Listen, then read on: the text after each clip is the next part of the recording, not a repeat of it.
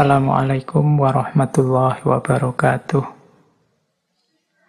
Bismillahirrahmanirrahim. Alhamdulillahirabbil alamin. Assalatu wassalamu ala asyrafil anbiya'i wal mursalin. Sayyidina wa maulana Muhammadin wa ala alihi wa ashabihi wa man tabi'ahum bi ihsanin ila yaumiddin. Amma ba'du. Bismillah. Mari teman-teman Kita lanjutkan lagi Ngaji kita Ngaji filsafat kita. Malam hari ini kita memulai sesi yang baru. Setelah bulan lalu Kita ada di tema yang berbau psikologis Tema-tema pengalaman beragama bulan ini kita belajar kebijaksanaan dari empat imam madhab fikih yang insya Allah teman-teman pasti sudah kenal beliau-beliau berempat ini.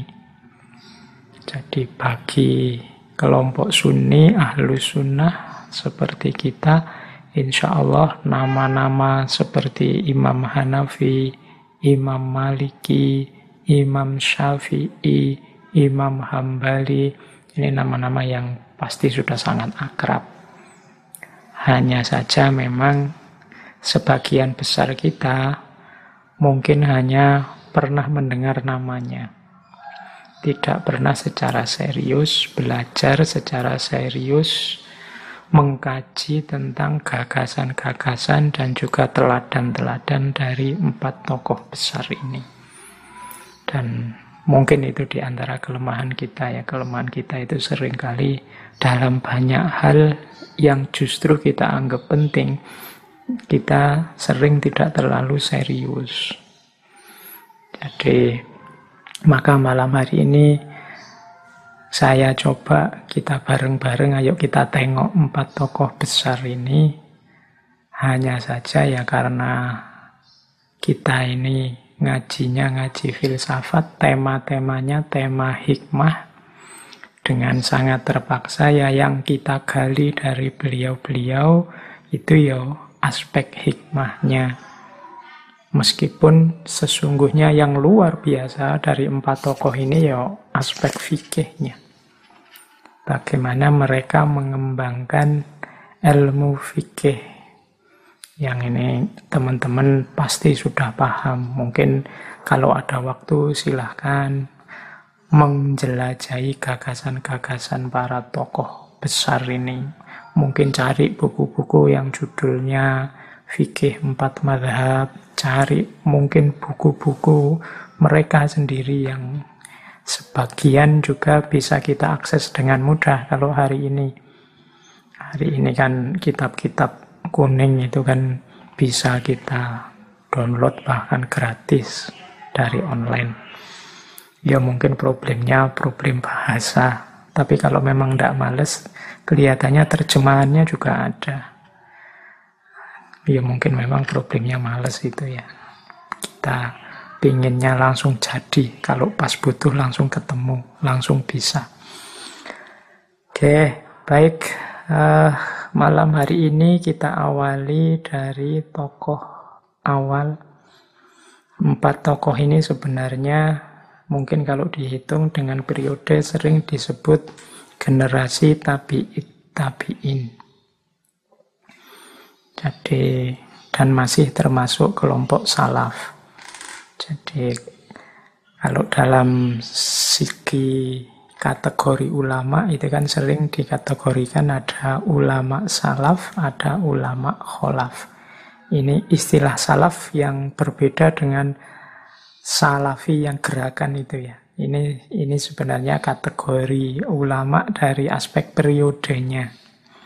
Ini kadang-kadang orang kalau menggunakan istilah salaf itu harus lebih diperhatikan lagi yang dimaksud salaf yang mana salaf salafi yang gerakan itu atau sebenarnya ulama salafus soleh yang dimaksud salaf dari sisi periode jadi kalau dari sisi periode itu kan ulama ada ulama salaf ada ulama kholaf ulama salaf itu biasanya ya para sahabat, kemudian tabi'in dan tabi'it tabi'in. Jadi ulama salaf itu sekitar tiga abad awal Hijriah. Yang dan kebetulan Imam Hanafi, Imam Malik, Imam Syafi'i, Imam Hambali ini masuk generasi tabi'it tabi'in masih digolongkan salaf. Karena Imam Ahmad, Imam Hambali yang terakhir itu nanti meninggal tahun 241 Hijriah. Ini tahun tiga abad awal dari hij, tahun Hijriah dan berarti masuk, masih masuk generasi salaf. Setelah itu para ulamanya disebut para ulama kholaf. Ini sebenarnya periodisasi waktu saja. Yo pikirannya saling melanjutkan. Karena sumbernya juga sama. Meskipun cara beristimbat hukumnya nanti para imam ini ya punya metode sendiri-sendiri. Makanya mereka nanti punya malhab sendiri-sendiri. Baik, kita berkenalan dulu malam hari ini dengan beliau Imam Hanafi atau Imam Abu Hanifah. Beliau memang lebih dikenal dengan nama Abu Hanifah. Nama asli beliau adalah Nu'man bin Thabit bin Zuta bin Mahan bin At-Taimi. Beliau lahir di Kufah, Irak. Nanti meninggalnya di Baghdad. Ya beliau nanti dikenal sebagai pendirinya fikih Hanafi.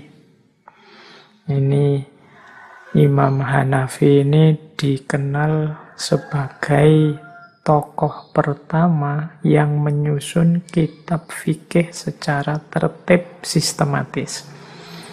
Kalau teman-teman buka kitab-kitab fikih hari ini itu kan biasanya terus secara sistematis diawali dari bab toharoh, kemudian bab sholat, kemudian bab zakat, kemudian dan seterusnya. Ini kan sudah sistematis. Nah itu pelopornya dulu Imam Hanafi.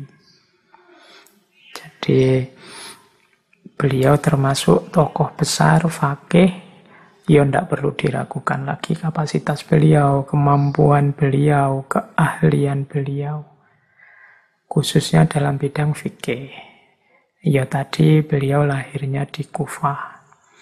Masih dalam, kalau dalam bahasa Arab beliau termasuk kelompok ajam. Ajam itu kalau dalam kajian Islam kan dikenal pembedaan antara Arabi dan Ajami. Ajam itu berarti bahasa ibunya bukan bahasa Arab. Karena Imam Abu Hanifah ini kelahiran Kufah masih dalam kelompok Persia.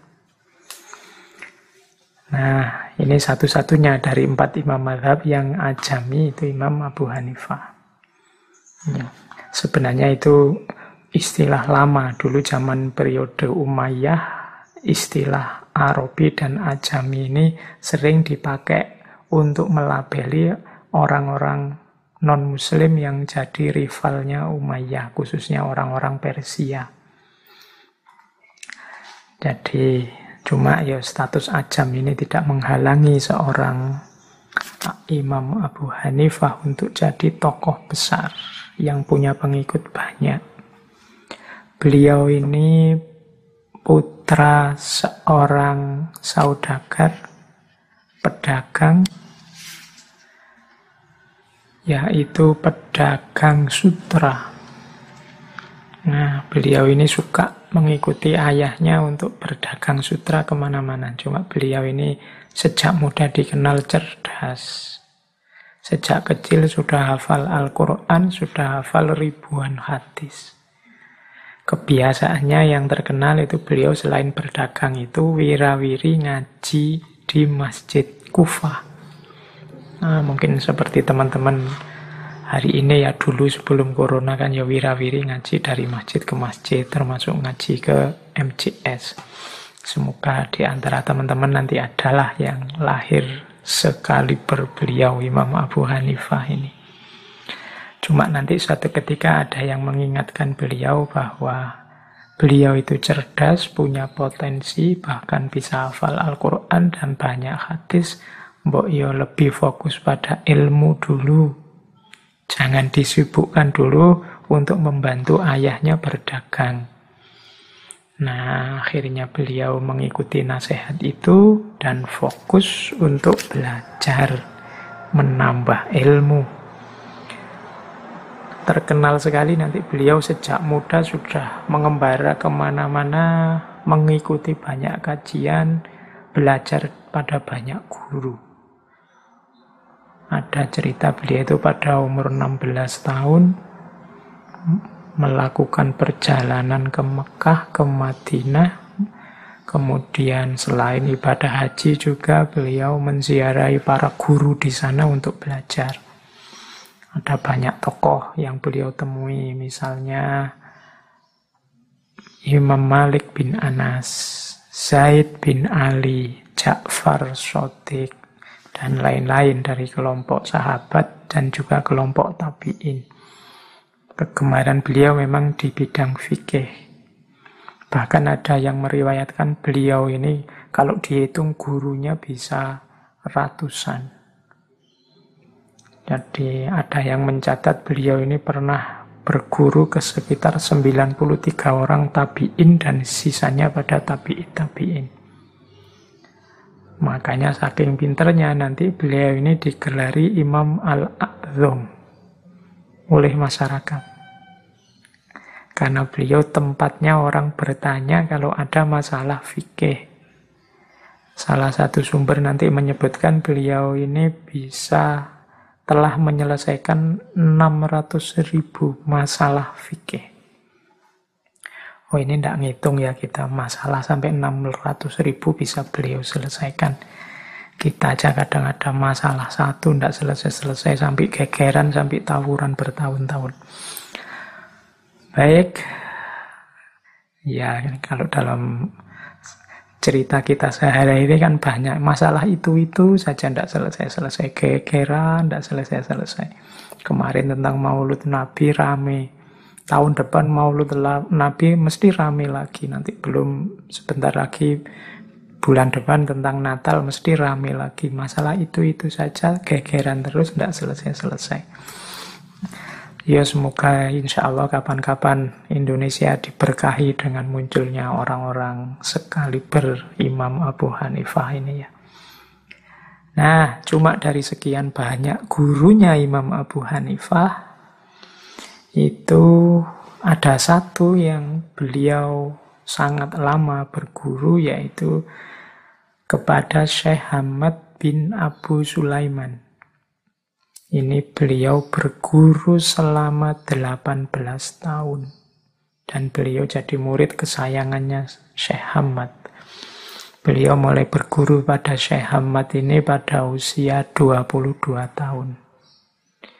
Dan oleh Syekh Hamad, selain disayangi, Imam Abu Hanifah ini dibeli panggilan khusus. Panggilannya yaitu Al-Watat Al-Watat ini apa ya? Watat itu artinya tiang.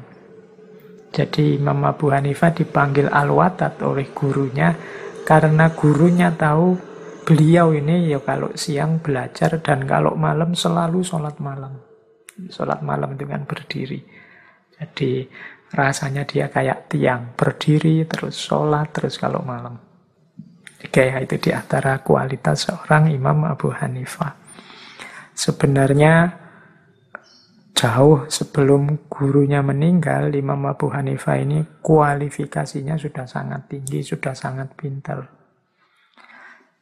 Oleh gurunya juga dipersilahkan kalau ingin mandiri, berfatwa sendiri, memutuskan hukum sendiri. Cuma beliau ini Saking tawaduknya sama gurunya tidak mau dan tidak berani untuk mandiri dulu selama masih ada gurunya. Nah, setelah nanti beliau sekitar berusia 40 tahun, Syekh Hamad ini wafat. barulah Imam Abu Hanifah menampilkan dirinya.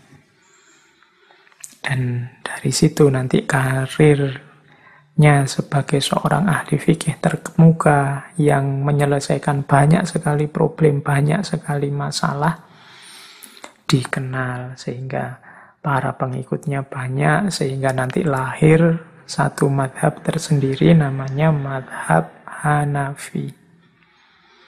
Yaitu sekilas tentang riwayat hidup beliau Imam Abu Hanifah semoga teman-teman sudah pernah membaca ya kalau belum pernah ya segera nyari-nyari referensi karena beliau kalau bagi kita kan termasuk salah satu tokoh kunci dalam dunia fikih. Fikih itu juga kunci dalam keberagamaan kita. Karena fikih itu menuntun kita untuk beraktivitas lahiriah khususnya, ibadah dan juga muamalah. Jadi Ya fikih ya penting. Selama ini kan kita belajarnya banyak tasawuf, banyak filsafat. Kenapa kok jarang belajar fikih? Ya tentu saja karena saya bukan ahli fikih. Jadi teman-teman pastinya yang ingin mendalam fikih, ya monggo.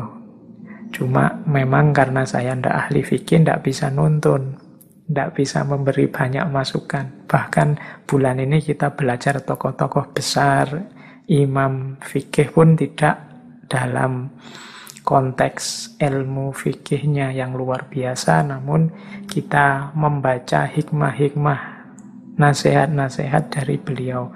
Karena betapapun mereka ini para ulama yang tentunya banyak hikmah, banyak nasihat yang bisa kita ambil untuk teladan dalam kehidupan kita. Oke, jadi meskipun judulnya Imam Fikih, yang kita ambil justru hikmahnya, hikmah kehidupan beliau dan hikmah dari nasihat-nasihat beliau. Baik, kita mulai menggali kebijaksanaan seorang Imam Abu Hanifah atau Imam Hanafi. Bismillah ya.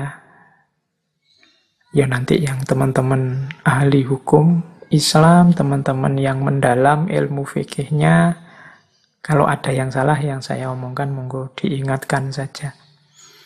Saya selalu bilang ya, saya bukan orang yang selalu benar. Ya kebetulan saja dalam ngaji ini saya yang pegang mic-nya, saya yang bicara. Apalagi hari ini jarak jauh ngajinya, teman-teman tidak bisa intervensi langsung kalau tiba-tiba saya keliru. Tapi monggo diingatkan saja kalau pas saya salah. Wong ini ngaji, saya selalu bilang ini ngaji, ngaji itu kita sinau, belajar bersama. Semoga ada tambahan wawasan, ada hikmah-hikmah baru yang bisa kita ambil. Baik, yang pertama, ini saya buka dengan kalimat yang terkenal sekali dari Imam Abu Hanifah. Ini tentang dasarnya beliau dalam menetapkan hukum. Jadi beliau ini kalau dalam dunia fikih dikenal lebih kuat di ro'yu, makanya sering disebut ahlu ro'yi. Jadi dalam mengistimbatkan hukum, Beliau tidak hanya melihat nas, tapi juga mendaya gunakan akal budinya. Tapi yo nasnya tidak ditinggal. Suatu ketika ada yang mengkritik beliau tentang ro'yu tadi, maka beliau menjawab seperti ini. Jadi ketika menetapkan hukum yang dilakukan apa? Katanya Imam Abu Hanifah, aku merujuk kitab Allah bila aku tidak menemukan di dalamnya aku akan merujuk sunnah. Bila di dalam keduanya aku juga tidak menemukan, aku akan merujuk perkataan para sahabat. Aku akan memilih pendapat siapa saja dari mereka yang aku kehendaki. Aku tidak akan pindah dari satu pendapat ke pendapat sahabat yang lain. Apabila urusan sudah sampai kepada Ibrahim Asyabi Ibnu Sirin Al-Hasan Al-Atto Said Ibnu Musayyab dan sejumlah orang lainnya mereka semua berijtihad maka aku akan berijtihad sebagaimana mereka berijtihad. Jadi katanya Imam Abu Hanifah yo aku merujuk kitabullah yo Al-Qur'an yang pertama pastinya. Nah kalau di Al-Quran tidak ada yo aku cari di sunnah. Dari kanjeng Nabi. Kalau di sunnah juga tidak ketemu, ya mencari kaulnya para sahabat, pendapatnya para sahabat. Kalau di pendapat para sahabat juga tidak ketemu, ya sudah. Kalau sudah urusannya nyampe ke bawahnya, itu disebut tokoh-tokoh tabi'in itu Ibrahim, Asyabi, dan seterusnya, ya mereka berarti berijtihad. Karena mereka beristihad ya berarti aku juga sudah bisa berijtihad. Jadi karena Al-Qur'annya tidak ketemu, dalam sunnah juga tidak ketemu, pendapatnya sahabat sudah tidak ada, ya sudah berarti di bawah itu sudah ranahnya orang boleh berijtihad. Oke, ini Sering hari ini oh, teman-teman saya lihat ada yang bilang yo Islam itu yo Al-Qur'annya mana, hadisnya mana. Nah, sudah benar, cuma ada kelanjutannya karena Al-Quran dan Sunnah itu kadang sifatnya umum dan juga terbatas. Sementara fenomena, situasi, masalah ini kan muncul terus, tidak terbatas. Kalau ada dalam Al-Quran, oke, okay, jalan. Kalau ada dalam sunnah, oke, okay, jalan. Cuma kan banyak di antaranya terus tidak ada. Kalau ada di kaul sahabat, katanya Imam Abu Hanifah, oke okay, jalan. Tapi kalau tiga-tiganya nggak ada, ya sudah ijtihad. Tentunya dengan syarat-syarat tertentu. Jadi dalam fikih hukum Islam itu ya memang awalnya Al-Quran dan Sunnah. Tidak salah kalau orang ngomong, ayo kita kembali ke Al-Quran dan Sunnah. Semua imam madhab juga Al-Quran dan Sunnah. Tapi kan tidak cukup itu. Tidak cukup dalam arti banyak hal baru yang muncul yang itu tidak secara tegas ada dalam Al-Quran dan Sunnah. Oh ini kan perlu memerah lagi cara untuk menetapkan hukumnya. Ya kalau sudah ada ya tinggal disebut hukumnya dalam Al-Quran dan Sunnah. Tapi kalau tidak ada, nah ini kan terus para ulama fikih, imam madhab merumuskan strategi-strategi istimbat hukumnya. Level-level cara untuk istimbat hukum. Kalau seperti Imam Abu Hanifah ini, beliau ya tergolong kalau dalam ilmu fikih namanya mujtahid mustakil atau mujtahid mutlak mustakil.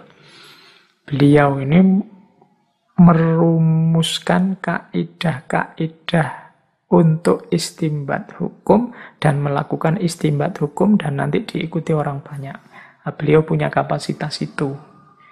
Karena memang ilmunya, wawasannya, pemahamannya, kecerdasannya sangat dalam.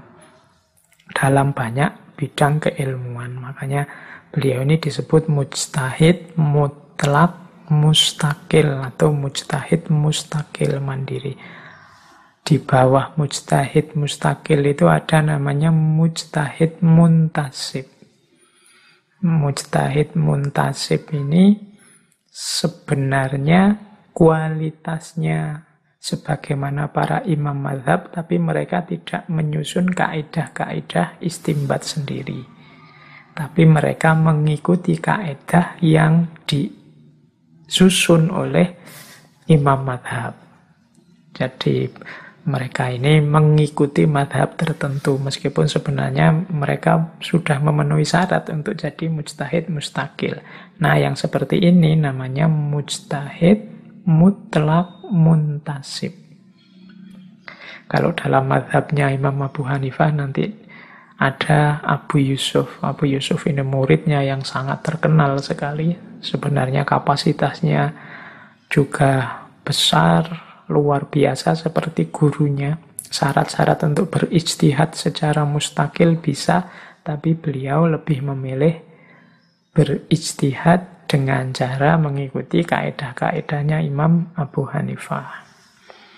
Ada yang bilang mujtahid mutlak itu hari ini, baik yang mustakil maupun mentasib sudah tidak ada.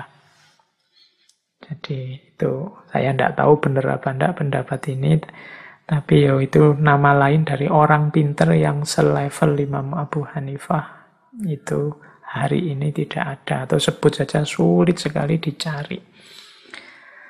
Ya semoga nanti pada satu masa ada lagi di bawah mujtahid muntasib nanti ada mujtahid mukoyat. Jadi kalau mujtahid mukoyat ini jadi imam jadi seorang mujtahid yang berijtihad dengan cara mengkiaskan pendapatnya imam madhab untuk menyelesaikan persoalan baru yang di madhab itu belum ada pendapatnya.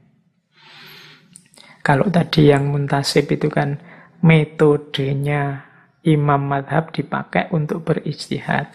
Nah kalau yang mukoyat ini bukan metodenya, tapi mereka ini mengkiaskan pendapat-pendapat yang sudah ada di madhab itu untuk menyelesaikan persoalan-persoalan baru yang muncul. Jadi mereka tidak menetapkan hukum sendiri secara langsung, tapi memutuskan hukum dengan cara berkias kepada pendapat yang sudah ada di satu madhab. Mujtahid yang semacam ini namanya mujtahid mukoyat.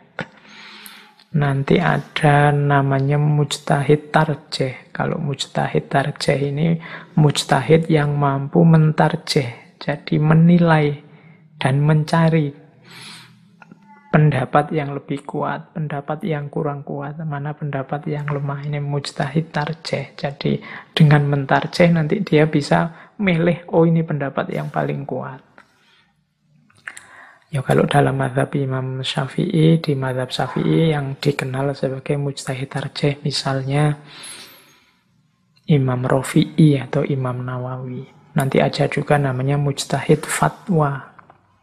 Mujtahid fatwa ini orang yang menguasai pandangan-pandangan di satu madhab dan bisa milih dan menentukan mana pendapat yang lebih kuat yang harus dipakai dan nanti dijadikan dasar untuk berfatwa. Jadi ini orang yang sangat ahli di satu madhab sehingga punya kemampuan untuk memilih mana pendapat yang lebih kuat dipilih kemudian dijadikan dasar untuk fatwa. Dan yang terakhir yang terakhir itu mungkin kita. Jadi bukan mujtahid tapi namanya mukallid karena ilmunya terbatas yang bisa kita lakukan ya hanya mengikuti pendapat. Jadi kalau para ulamanya sudah memberi fatwa memberi tahu hukumnya ya kita ikuti saja. Wong yo kita ndak punya kemampuan tarjih kita ndak punya kemampuan fatwa. Bisanya cuma sami nawa atau nah ya kalau orang seperti kita kan ndak mungkin mengistimbat hukum sendiri. Misalnya saya tak kembali ke Quran hadis sendiri langsung itu ndak level apalagi saya ya. Jadi ilmu Al-Qur'annya terbatas ilmu hadisnya juga terbatas. Karena tidak bisalah kita memutuskan satu hukum, mengistimbat hukum hanya dari terjemahnya atau hanya dari artinya saja karena di balik teks itu kan ada rupa-rupa aspek yang harus kita gali. Oke, kembali. Wah, saya ngomongnya agak ke mana-mana. Tidak apa-apa lah, nambah wawasan untuk teman-teman yang mungkin belum tahu, tapi yang bagi sarjana atau mahasiswa syariah, mahasiswa fikih, insya Allah sudah akrab dengan yang saya sampaikan tadi.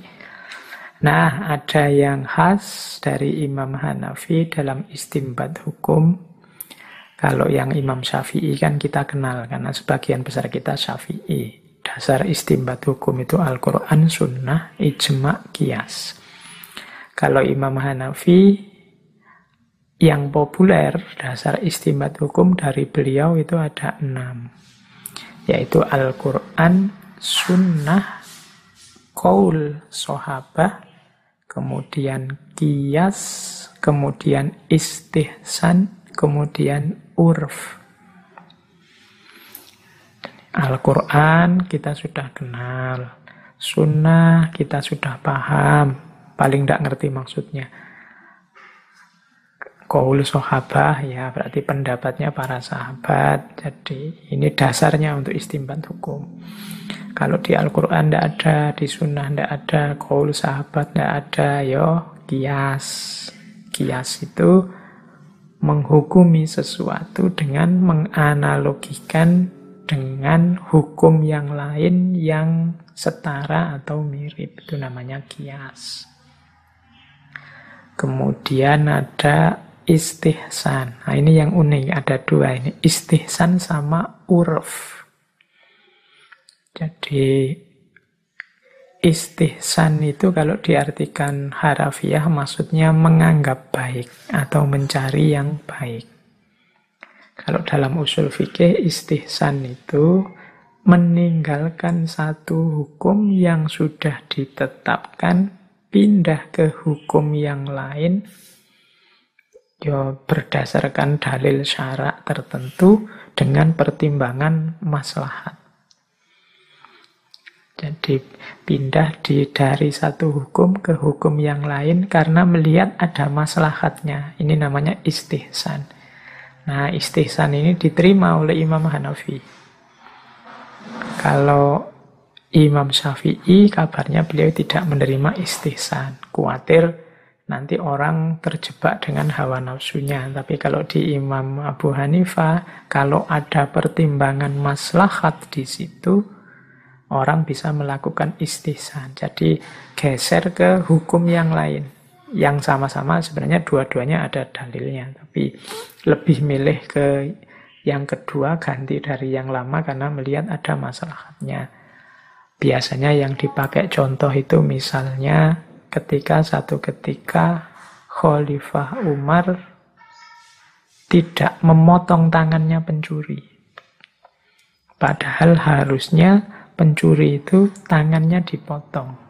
Hukum asalnya kan memang fakto tapi Khalifah Umar dengan kecerdasan beliau, dengan kapasitas beliau memutuskan satu kasus pencurian dengan tidak potong tangan. Nah, ini kan geser dari ketetapannya Al-Quran dengan pendapatnya Khalifah Umar. Nah, jadi kemudian ketika memang situasinya menuntut begitu, maslahatnya cocok, terus ada maling misalnya di tempat kita. Yang ini kalau pakai hukum Islam dia harus dipotong tangan. Tapi kita milih pendapatnya Khalifah Umar tadi. Karena melihat ada maslahatnya. Nah, ini namanya istihsan. Kasihan ini dia maling ini karena Tetangganya pelit semua. Sudah berhari-hari dia tidak makan. Anak-anaknya nangis terus misalnya. Nah ini kan rasanya mungkin kurang bijaksana kalau ya memang tindakannya salah. Tapi kalau tiba-tiba dipotong tangan mungkin ke depan maslahatnya kurang karena dia tidak bisa bekerja lagi, tidak bisa menghidupi anak-anaknya lagi misalnya. Terus kita mengikuti pendapatnya Khalifah Umar. Ini namanya istihsan.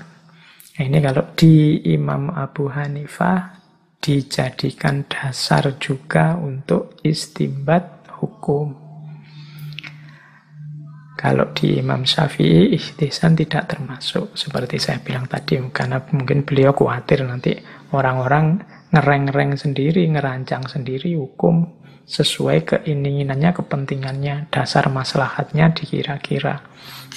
Kadang-kadang manusia itu kan juga begitu, nyari silah, nyari trik. Ya dua-duanya bijaksana dengan pertimbangannya masing-masing.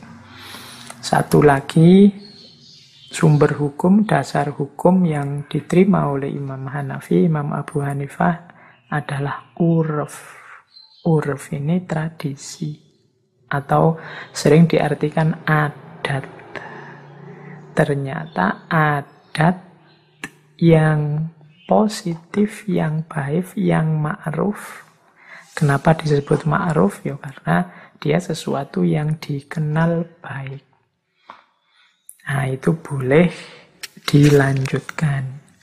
Ya cuma memang syaratnya adat ini ya harus uruf yang soheh, bukan uruf yang fasid. Jadi tradisi yang positif, tradisi yang isinya ngaji, yang isinya solawatan, yang isinya silaturahim, monggo dilanjutkan, tidak apa-apa. Itu Meskipun mungkin dalilnya tidak ketemu, tapi dasarnya uruf. Dasarnya adat. Asal bukan uruf yang fasid. Yang isinya nabrak syarak. Jadi isinya nabrak hukum Islam yang jelas. Nah, itu uruf ini bedanya Imam Abu Hanifah dengan imam yang lain tentang dasar istimbat hukum. Jadi selain Al-Quran, juga sunnah. Kalau memang belum ketemu dasarnya dari Al-Quran dan sunnah, bisa kaulnya para sahabat. Kalau ternyata tidak ketemu juga, ya boleh menggunakan kias. Kalau masih mungkin, ya bisa istihsan. Uruf juga bisa. Kalau tidak nabrak Al-Quran, tidak nabrak sunnah, kaul sahabat. Istihsan juga begitu, asal tidak nabrak dasar-dasar hukum yang lain dan ada pertimbangan maslahat tadi. Oke, ini nanti ahli fikih yang bisa menjelaskan. Seperti apa porsinya Al-Quran, sunnah, kaul sahabat, kias, istihsan. Paling tidak sampai di titik ini, semoga teman-teman semua sadar ternyata memfatwakan hukum itu tidak sesederhana kelihatannya. Makanya sedulur-sedulur semua, teman-teman semua ini yo hati-hati kalau memfatwakan sesuatu apalagi dasarnya hanya copy paste. Apalagi dari tiba-tiba buka Al-Quran terjemahan sendiri ketemu kata-kata apa terus disimpulkan sendiri tiba-tiba maksudnya apa. Tidak sesederhana itu. Oke. Jadi termasuk mungkin ada yang hari ini. Mana Qur'annya, mana sunnahnya. Yuk kadang-kadang di Qur'annya ndak ada, di sunnahnya ndak ada. Tapi dia uruf yang baik. Tapi dia istihsan, ada maslahat yang bisa diambil. Tapi dia dasarnya kias, dianalogikan dengan yang setara, yang sama. Atau mengikuti kaulnya sahabat. Nah, Ternyata tidak sesederhana sekedar melihat terjemahan Al-Quran maupun Sunnah.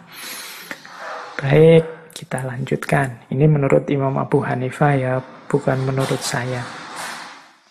Kadang-kadang kalau saya dengar rekaman di YouTube-YouTube yang dipotong-potong itu yang ya pinter yang motong-motong cuma kesannya seolah-olah sering kali saya itu pinternya luar biasa bijaksananya luar biasa Ya teman-teman harus sadar, wong saya itu menyampaikan gagasannya tokoh-tokoh besar, tokoh-tokoh utama, tokoh-tokoh yang mulia.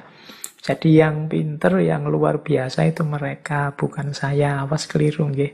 Yang mendengarkan rekaman khususnya yang dipotong-potong sehingga kadang-kadang orang tidak tahu bahwa itu sebenarnya bukan kata-kata saya. Saya cuma menyampaikan saja tokoh-tokoh besar itu dengan pikiran-pikirannya. Jadi semoga tidak berhenti di saya, teman-teman harus menggali lebih dalam lagi. Seperti saya bilang, ngaji ini kan hanya cuma mancing saja. Oke, nah saya lanjutkan. Imam Abu Hanifah ini tadi dikenal sebagai ahlu ro'yu. Beliau punya kebijaksanaan tersendiri. Beliau punya pertimbangan yang sangat rasional, sangat manusiawi dalam menetapkan hukum ada beberapa karakteristik yang menurut saya perlu diteladani untuk kita hari ini yang pinginnya kan Islam yang rahmatan lil alamin. ada beberapa catatan saya. Oh, ini beliau ini ternyata punya pemikiran yang penuh rahmat ketika memutuskan satu hukum. Misalnya itu ada beberapa catatan saya. Beliau banyak berfatwa dengan pertimbangan berpihak pada yang lemah. Beliau banyak berfatwa dengan pertimbangan memudahkan, tidak menyulitkan. Beliau banyak berfatwa dengan pertimbangan kemanusiaan. Saya contohkan itu kan, misalnya ketika beliau berfatwa bahwa pakaian yang terbuat dari emas dan perak itu harus wajib dijakati. Dengan kalau ketentuannya, kalau dalam fikih itu kan biasanya barang yang dipakai operatif itu kan beda dengan barang yang disimpan seperti emas, perak. Nah ini ada fatwa dari Imam Abu Hanifah ya meskipun itu kita pakai setiap hari seperti pakaian tapi kalau terbuat dari emas dan perak ya harus dijagati ini mungkin kalau dikiaskan ini kias awur-awuran ya kalau teman-teman punya baju yang mahalnya luar biasa sehingga sampai satu nisab zakat ya harus dijagati kalau punya motor atau sepeda sekarang kan lagi booming sepeda itu. Yang mahalnya luar biasa. Nah, harus dipertimbangkan juga kewajiban zakatnya. Jangan seneng-seneng sendiri, tetap ingat berbagi dan kewajiban berbaginya.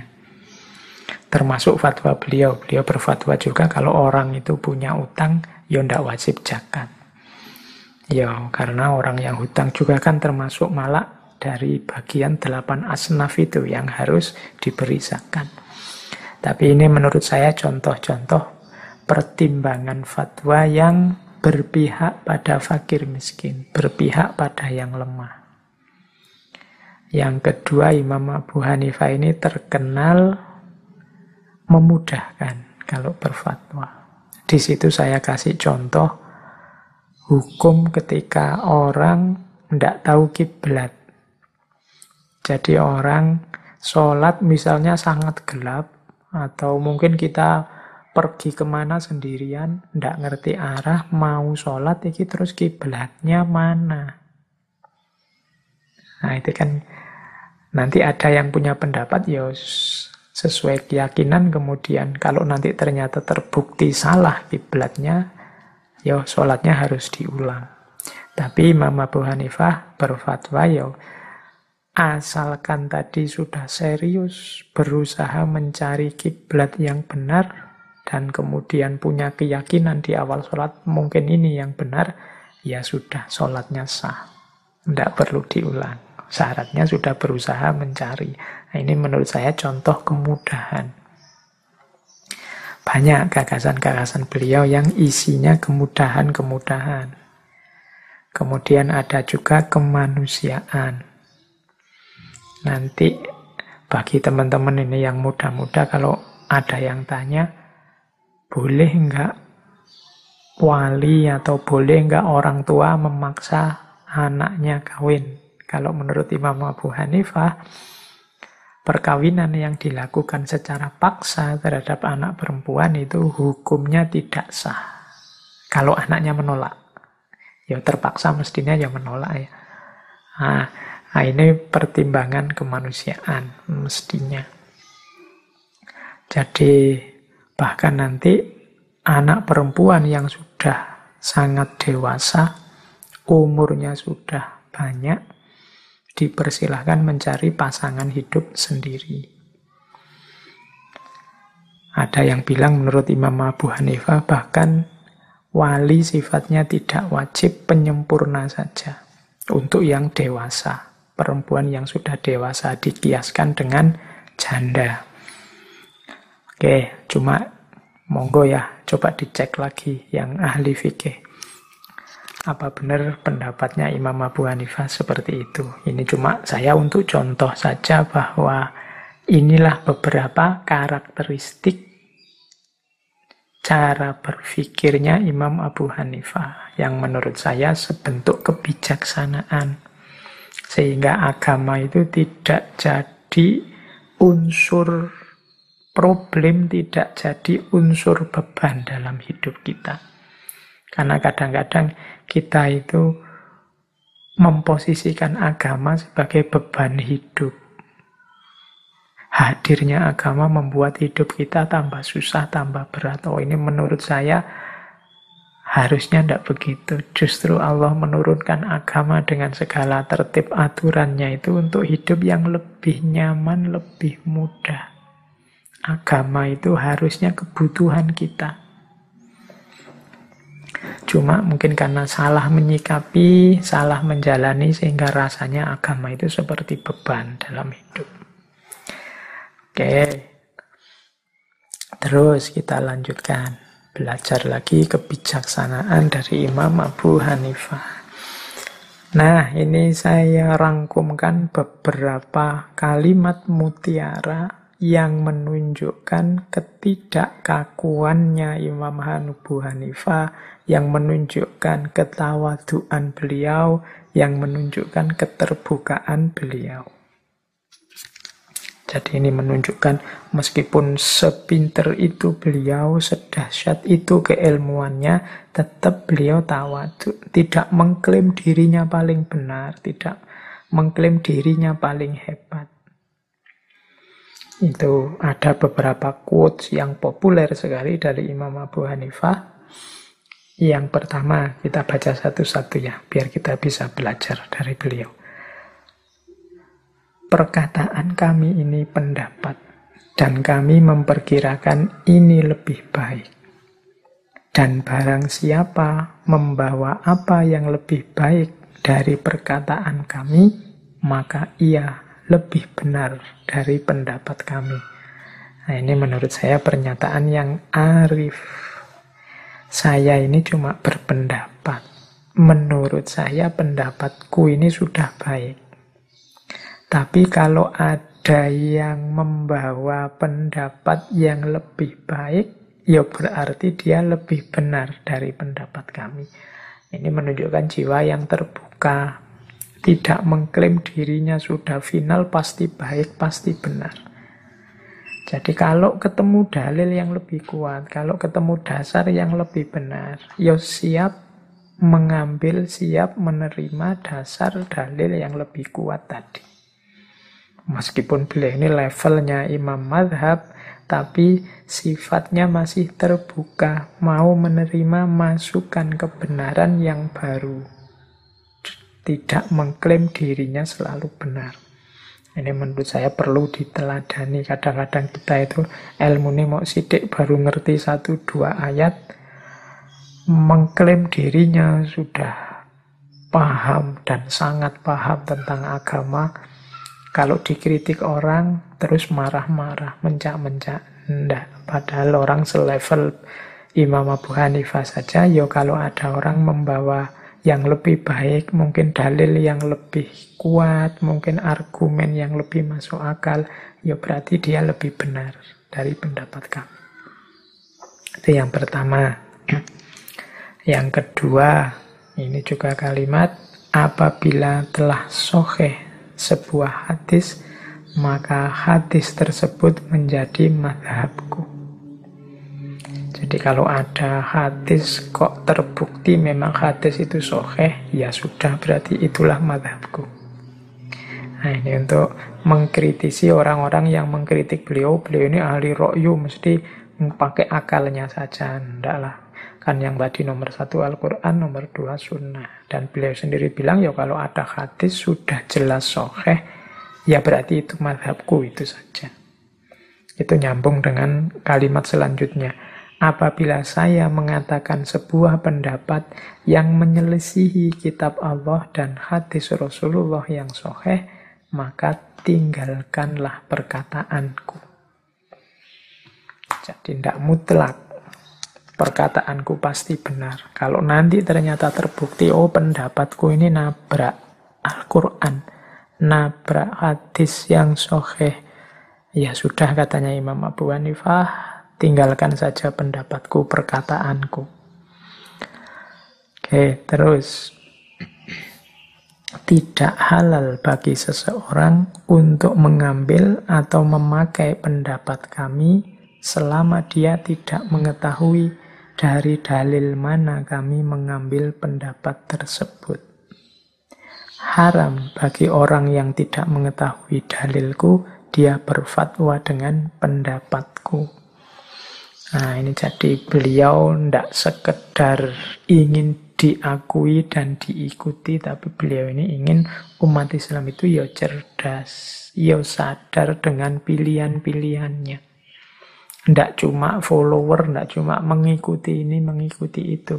Tapi dia punya argumen, punya dasar mengapa dia ikut ini, ikut itu, dan dalilnya apa.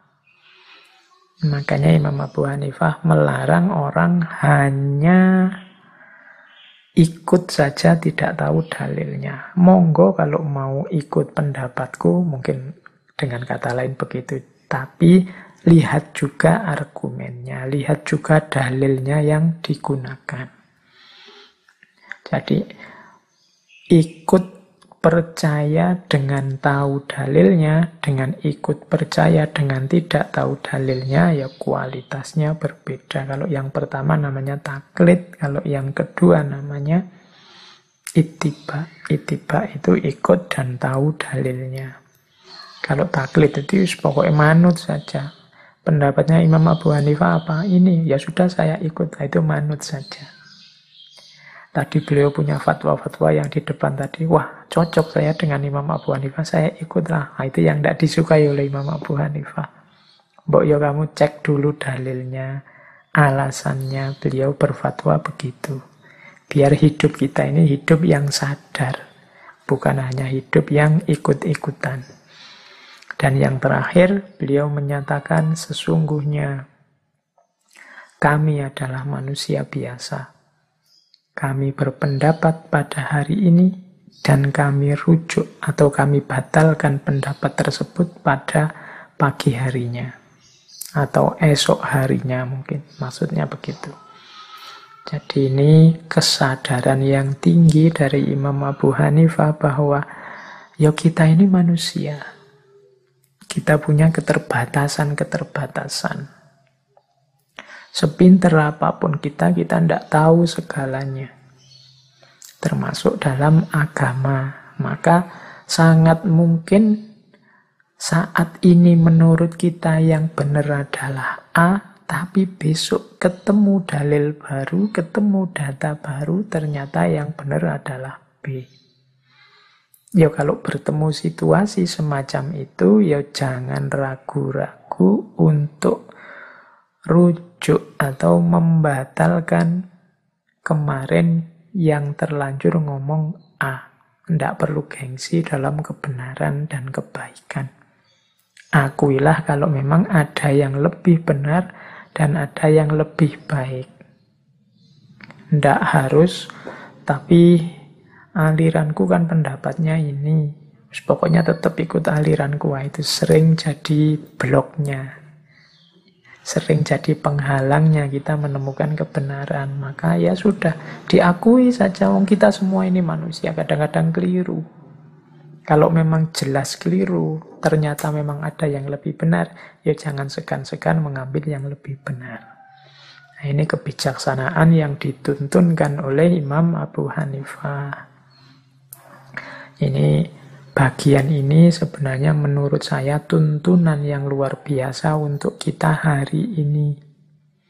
Banyak hari ini konflik-konflik terjadi hanya karena kita merasa diri kitalah yang paling benar.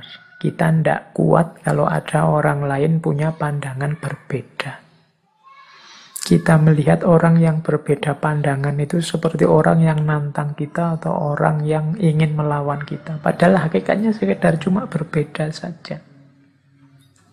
Dan tidak ada jaminan pendapat kita itu yang paling benar. Maka tetaplah terbuka, tetaplah tawadu.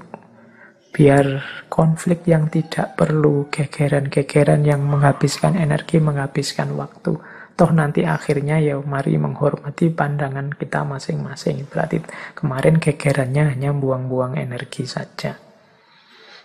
Jadi, nah kita ikuti kebijaksanaan dari Imam Abu Hanifah ini.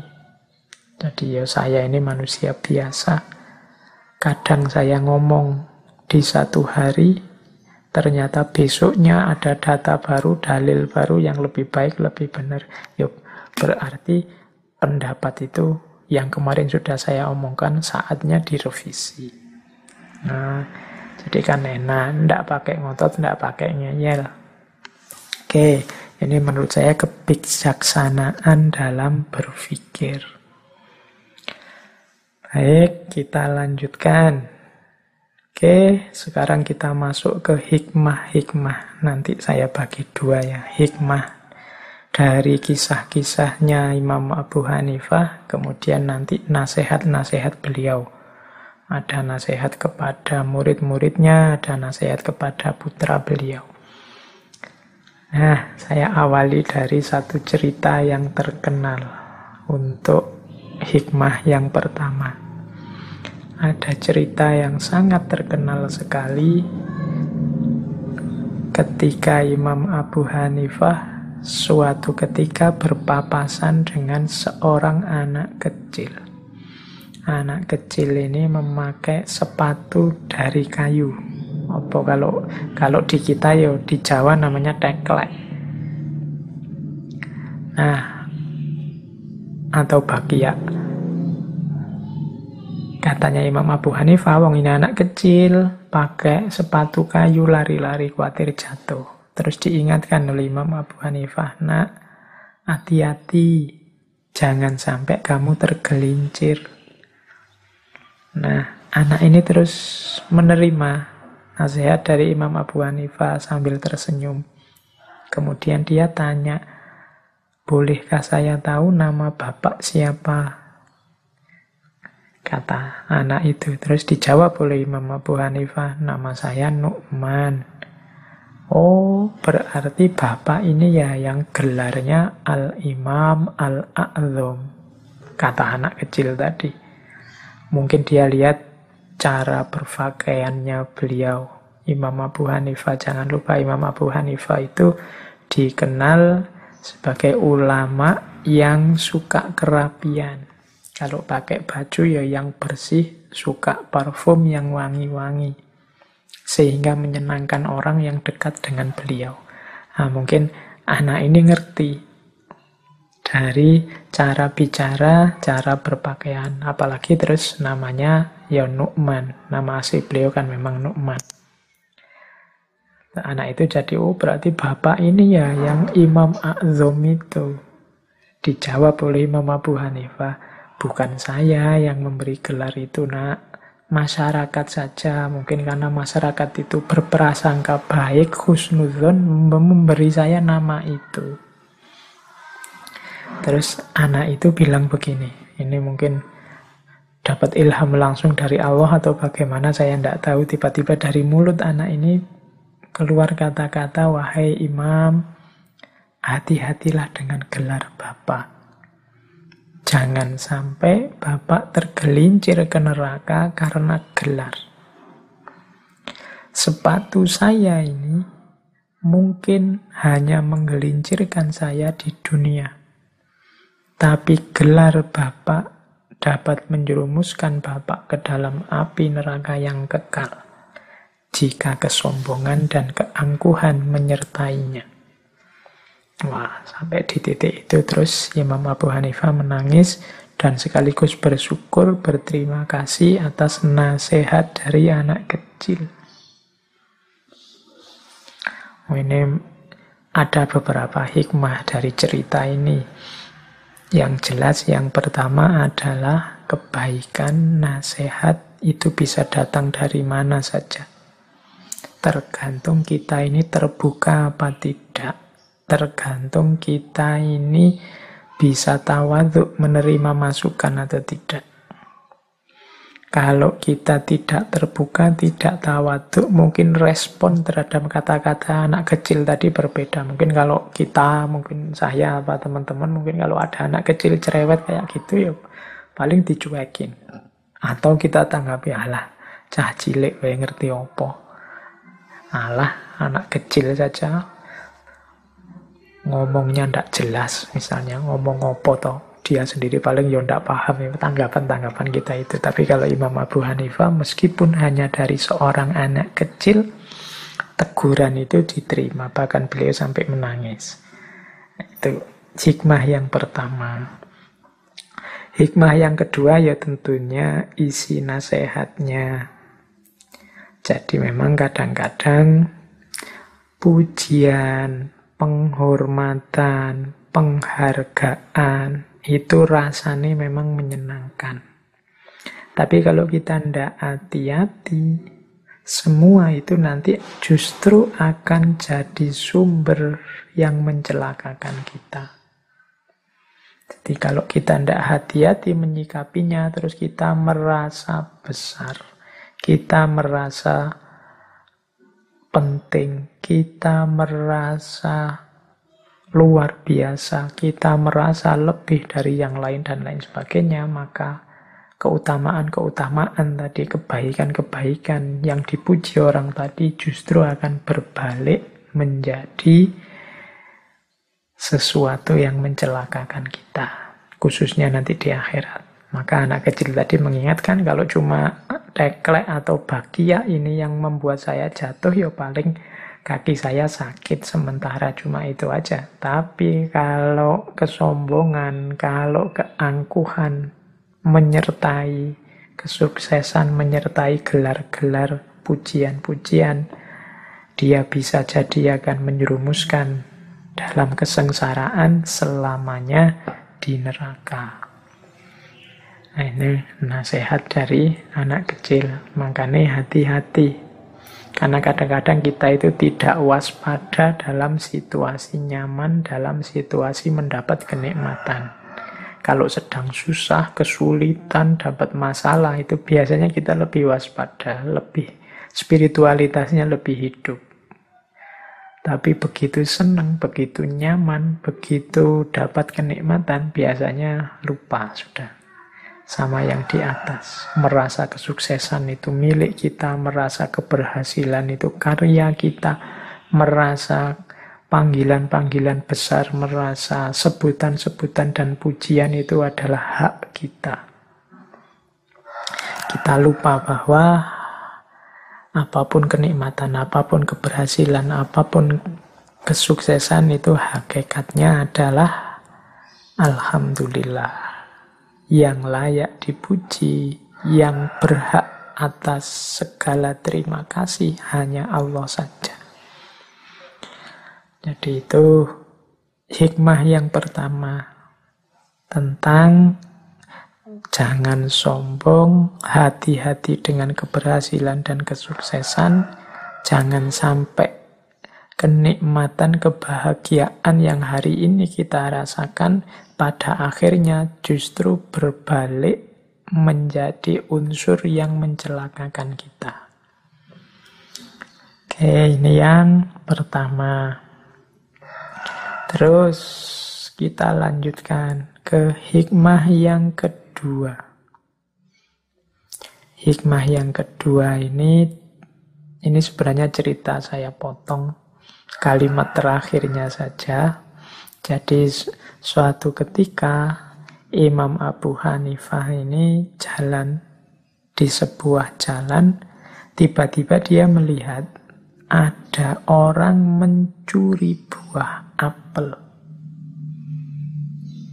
Nah, setelah orang ini mencuri, diikuti oleh Imam Abu Hanifah. Buah curi, mungkin ngutil di pasar gitu ya, ada orang jualan di pinggir jalan, dan tiba-tiba dia mengambil satu apel tanpa setahu yang jual. Orang ini diikuti oleh Imam Abu Hanifah. Nah, terus setelah diikuti, apelnya ini terus disedekahkan pada orang tidak mampu.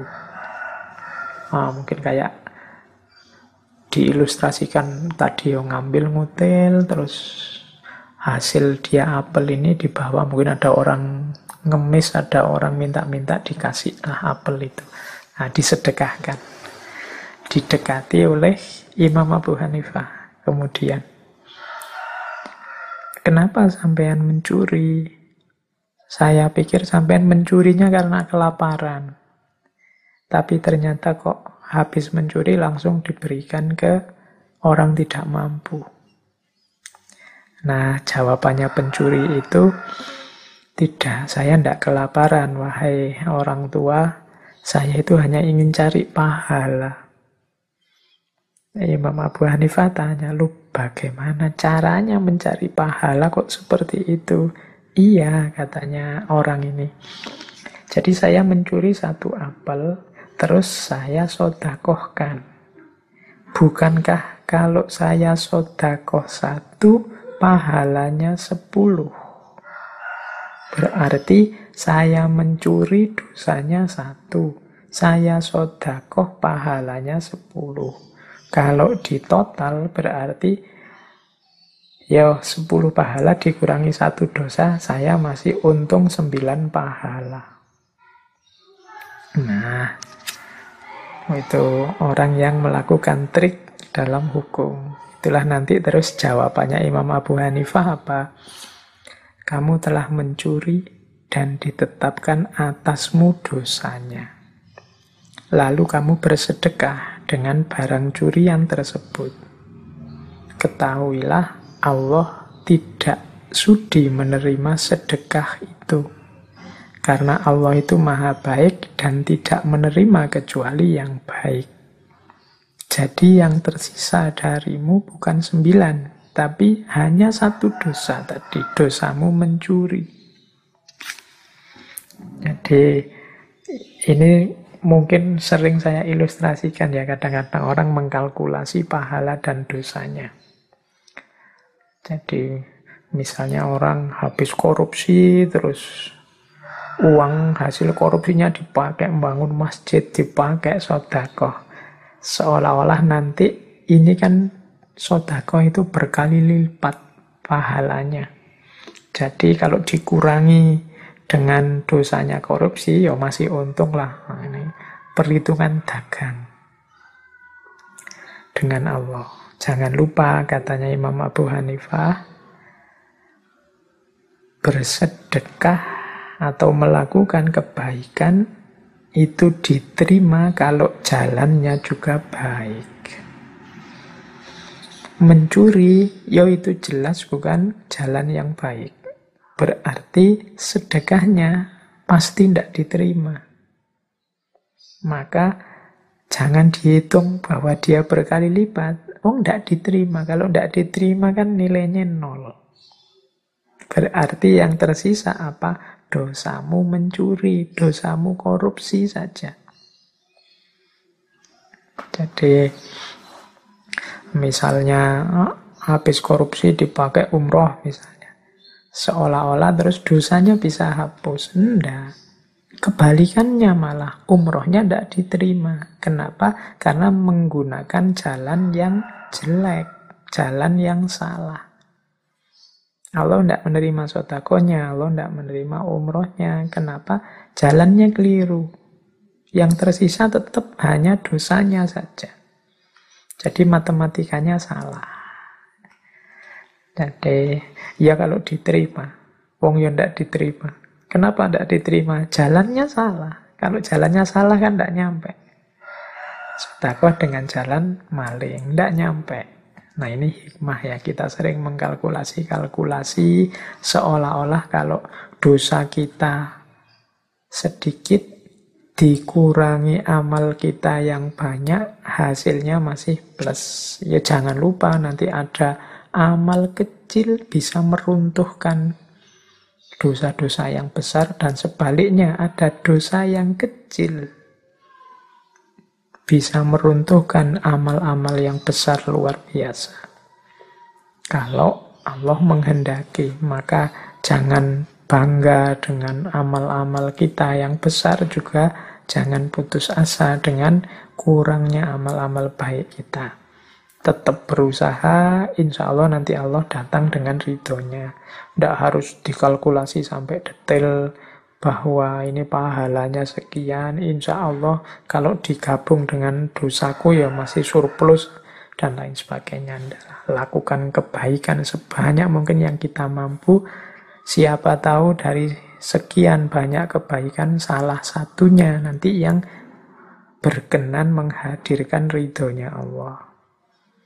Kan ada ceritanya Imam Syafi'i itu yang populer sekali. Jadi ada cerita seorang ulama bermimpi bertemu Imam Syafi'i. Terus ulama ini bertanya, apa yang dilakukan Allah kepadamu? Eh, kok Imam Syafi'i? Imam Ghazali. Jadi cerita tentang Imam Ghazali. Jadi apa yang dilakukan oleh Allah kepadamu wahai Imam Ghazali? Imam Ghazali ini kan dikenal karyanya banyak luar biasa. Sampai hari ini termasuk Ihya Ulumuddin, termasuk kitab-kitabnya yang lain. Nah, satu ketika ada ulama bermimpi bertemu Imam Ghazali. Waktu Imam Ghazali ditanya, apa yang dilakukan Allah kepadamu setelah engkau meninggal? Jadi Imam Ghazali kemudian bilang ya waktu Allah bertanya padaku apa yang engkau bawa menghadapku terus Imam Ghazali menunjukkan semua yang menurut beliau amal baik nulis kitab lah kemudian mengajar lah macam-macam yang jumlahnya tidak terhitung luar biasa tapi katanya Imam Muzali dari semua itu ternyata tidak ada yang membuat Allah berkenan. Ternyata yang menyelamatkan adalah satu amal yang sangat kecil. Yang ada hubungannya dengan lalat. Jadi Imam Ghazali yang sebesar itu ternyata diselamatkan oleh lalat. Lalat itu laler. Jadi ada cerita satu ketika beliau sedang nulis tiba-tiba datang lalat. Nah, lalat ini terus menghisap tintanya. Tinta yang beliau pakai untuk nulis. Dan beliau kasihan sama lalat itu terus dibiarkan. Silahkanlah, hisaplah tinta itu sekenyang mungkin. Jadi, ah, jadi lalatnya tidak diusir, ditunggu sampai puas lalat itu minum tinta tempat beliau menulis. Nah, amal yang hanya sekedar kasihan terhadap lalat inilah. Ternyata menurut Imam Ghazali dalam mimpi itu yang membuat Allah berkenan menurunkan ridhonya dan sehingga Imam Ghazali selamat. Ratusan mungkin amal yang lain yang luar biasa yang sering kita ceritakan di banyak kajian ternyata masih belum menurunkan rahmat dan ridhonya Allah. Nah, logika semacam ini mungkin penting bagi kita untuk memperbanyak amal apa pun, kebaikan apa pun sebanyak mungkin. Terus yang kedua kita cari hikmah lagi ya. Selanjutnya ada cerita tentang Imam Abu Hanifah. Jadi satu ketika Imam Abu Hanifah ini mendengar orang memujinya. Ya karena beliau orang besar, pengagumnya banyak, pengikutnya banyak, banyak orang memujinya. Cirinya Imam Abu Hanifah itu kalau dipuji orang, dia akan melakukan lebih dari itu. Jadi kalau ada orang misalnya, wah Imam Abu Hanifah itu kalau malam dia sholat sekian puluh rokaat. Tidak pernah putus. Ketika beliau mendengar ini, besoknya beliau akan sholat malam lebih banyak dari itu. Kalau ada orang bilang Imam Abu Hanifah itu kalau malam separuh waktunya untuk beribadah saja, maka besoknya beliau akan ibadah lebih banyak dari itu. Nah, terus muridnya bertanya, Kok harus begitu sih guru? Mbok yo biasa saja. Katanya Imam Abu Hanifah, ndak. Aku tidak ingin termasuk orang-orang yang digambarkan oleh Allah dalam surat Ali Imran ayat 188. Jadi ya, yaitu orang-orang yang suka dipuji atas perbuatan yang belum mereka kerjakan. Ini Surat Ali Imran 188 Bunyinya kurang lebih beginilah.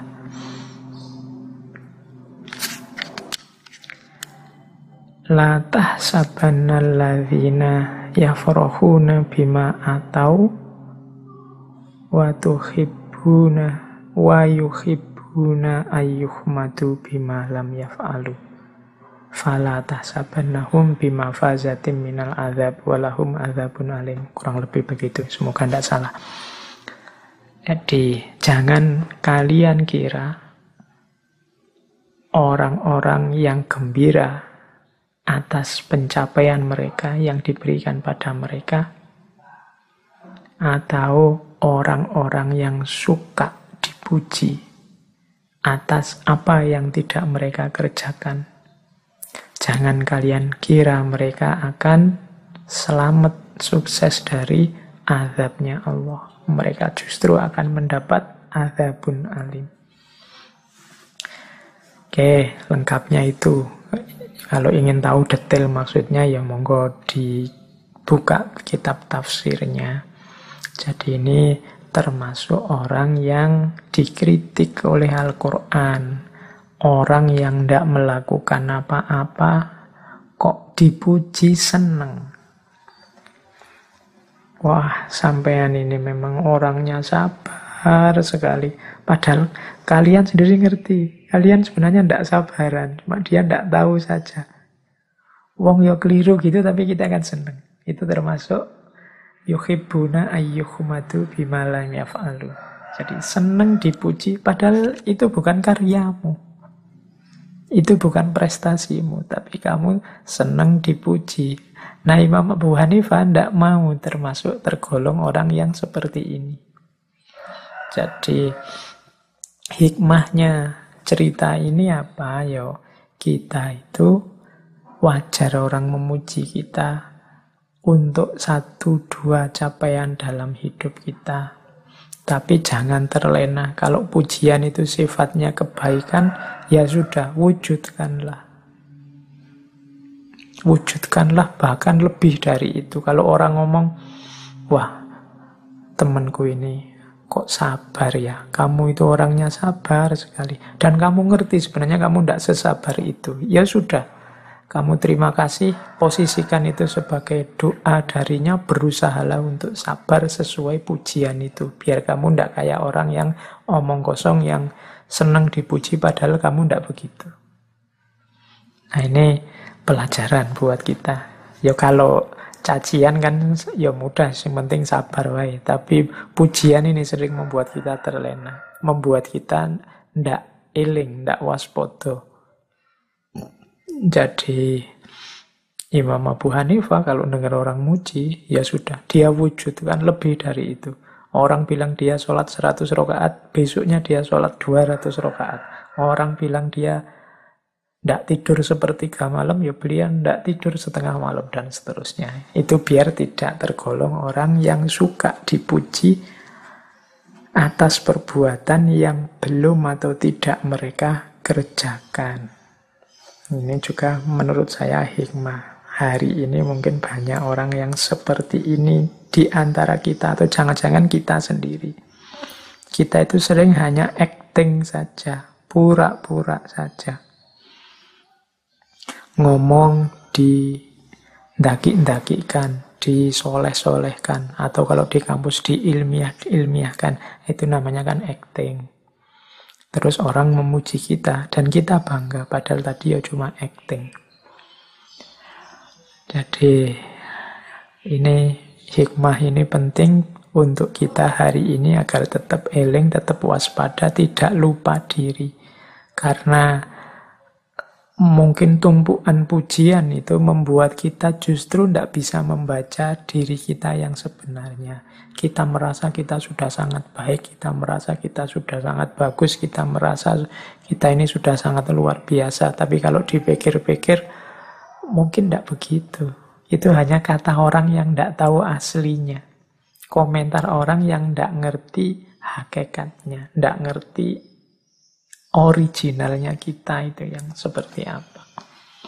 Jadi ini nasihat untuk kita, ayo hati-hati Jangan merasa besar padahal kita tahu sendiri kita itu kecil.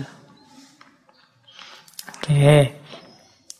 Jadi ini hikmah yang selanjutnya. Terus ada cerita juga suatu hari Imam Abu Hanifah ini membaca salah satu firmannya Allah surat Az-Zumar ayat 17 18 Fabashir ibadil ladzina yastami'unal qawla fayattabi'una ahsana.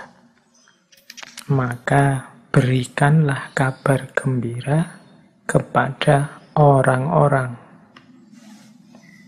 hamba-hambaku yang mendengarkan perkataan, kemudian mengikuti yang paling baik di antaranya.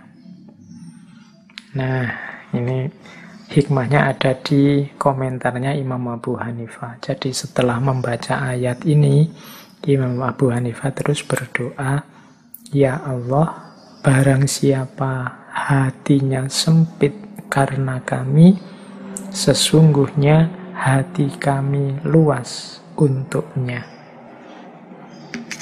Nah, ini pelajaran luar biasa dari Imam Abu Hanifah. Jadi kita itu kan sering mungkin karena paham sesuatu, punya sedikit-sedikit wawasan tentang kebenaran, tentang kebaikan.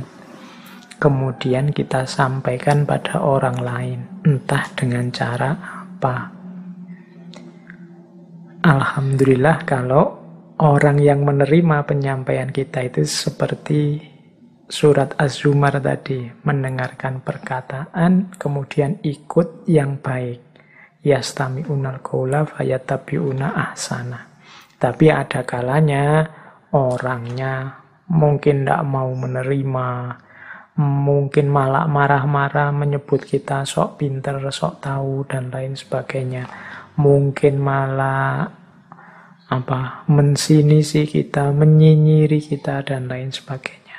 Nah, itu kadang-kadang kalau responnya begitu kan terus kita bales itu kita kan marah juga. Sudah diberitahu baik-baik, maksudku baik, niatku baik, kok tanggapannya begitu. Akhirnya terus jadi ini. Dari niat yang baik hasilnya ternyata konflik. Nah, Imam Abu Hanifah memberi pelajaran Ya Allah, barang siapa hatinya sempit karena kami, sesungguhnya hati kami luas untuknya.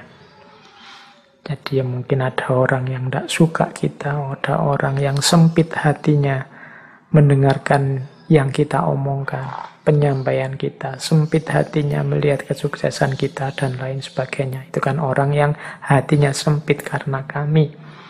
Tapi saksikannya ya Allah, hati kami tetap luas untuknya. Aku tetap sayang padanya, aku tetap akan memaafkannya, aku tetap ingin kebaikan pada dirinya. Nah, itu namanya hati kami tetap luas untuknya. Jangan hati sempit kita balas juga dengan kesempitan hati kita. Sempit dibalas sempit, ya wassalam nanti. Akhirnya jadi konflik agama terus jadi beban seperti saya bilang tadi ndak kalau Imam Abu Hanifah luaskan hatimu karena situasi itu kadang-kadang tidak berjalan persis seperti yang kita inginkan makanya beliau berdoanya ya Allah barang siapa hatinya sempit karena kami sesungguhnya hati kami luas untuknya ini mungkin penting untuk kita hari ini di era medsos ini yang kita sering bertukar kata, bertukar nasihat, yang kadang-kadang tanggapannya tidak seperti yang kita inginkan. Jangan lupa hati kita harus tetap luas.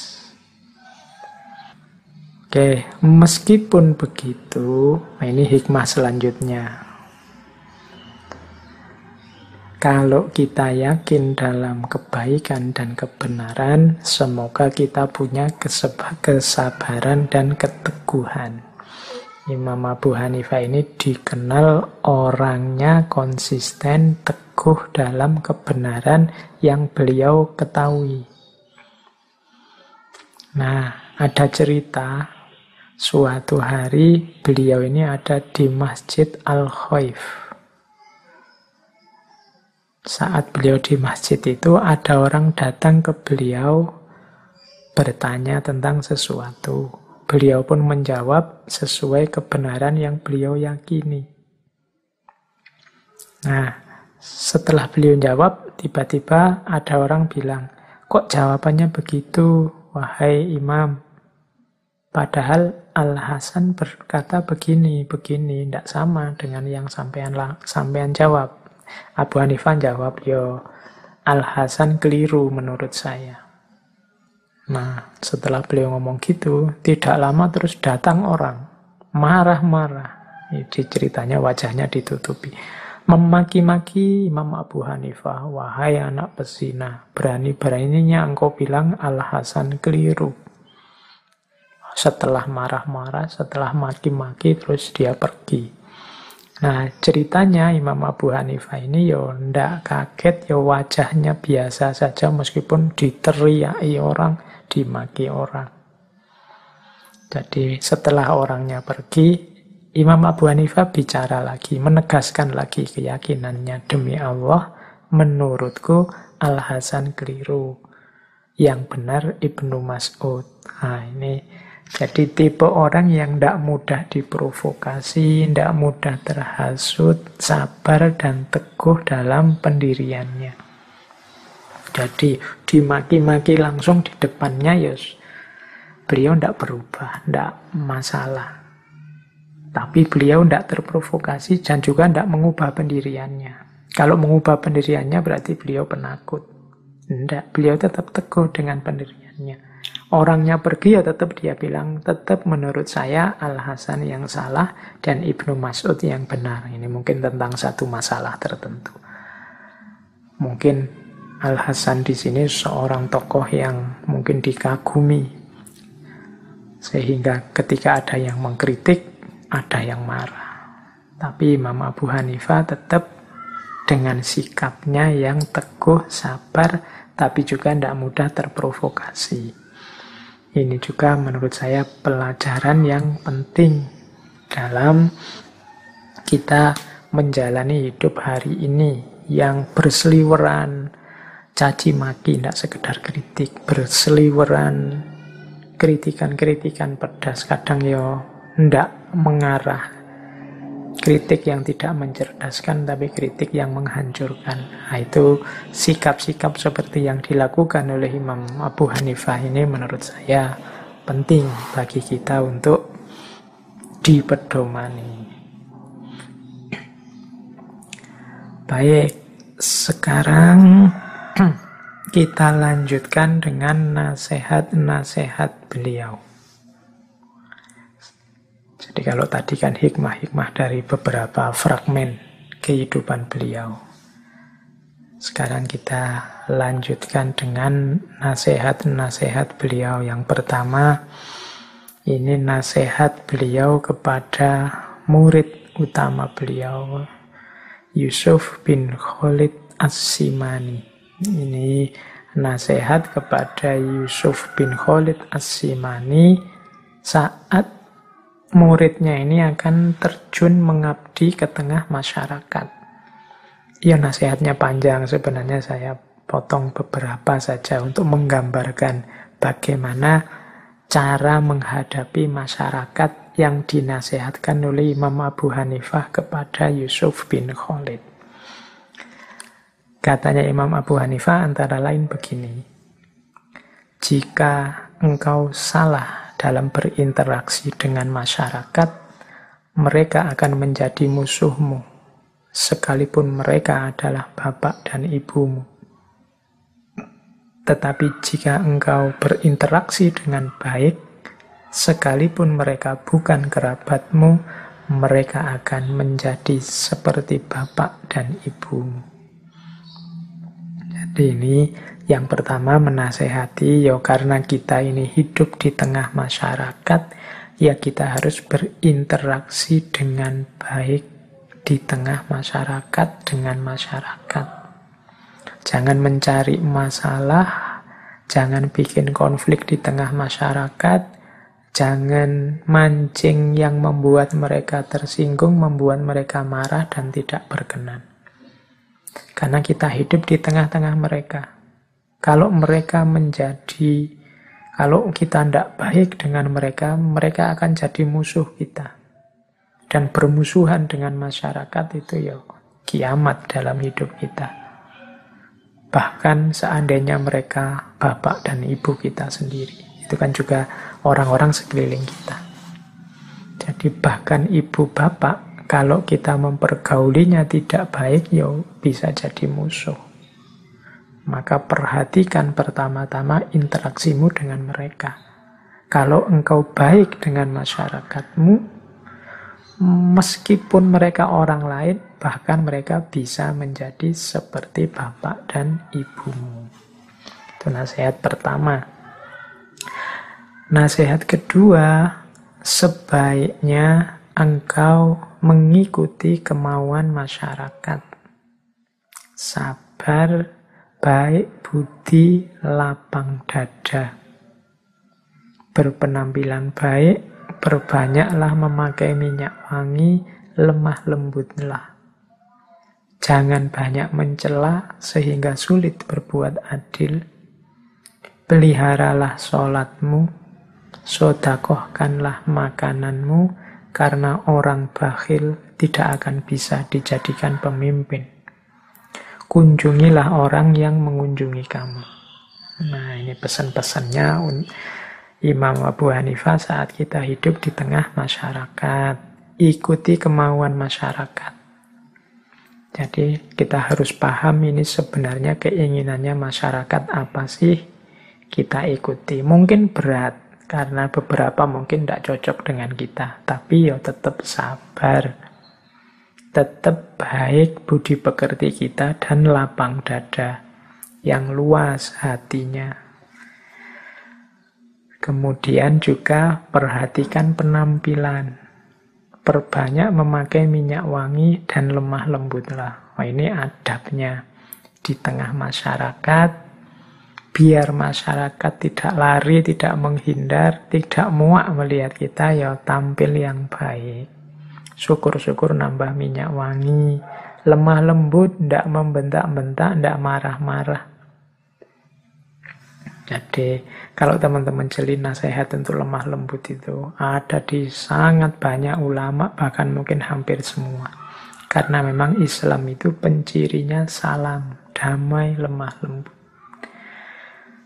Oke, jadi ayo berinteraksi dengan masyarakat dengan baik, berpakaian yang pantas, yang sopan, syukur-syukur wangi-wangian dipakai biar mereka betah dekat dengan kita dan lemah lembut.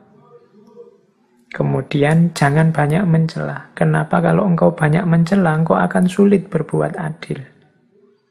Ini nama lain jangan disetir oleh kebencianmu. Yang kita celah itu kan sesuatu yang kita benci. Kalau hidup kita isinya hanya kebencian-kebencian, ya kita akan susah adil. Jangan lupa dukung interaksi yang baik di tengah masyarakat dengan unsur vertikal yang juga positif. Hubungan kita dengan Allah yang juga positif. Yaitu jangan lupa sholatmu, peliharalah sholatmu. Terus sodakohkan makananmu karena orang yang bakhil tidak akan bisa dijadikan pemimpin. Kalau engkau pelit, orang tidak akan mau mengikuti nasihatmu, mengikuti tuntunanmu, apalagi menjadikanmu pemimpinmu. Wong dasarnya engkau pelit berbagi.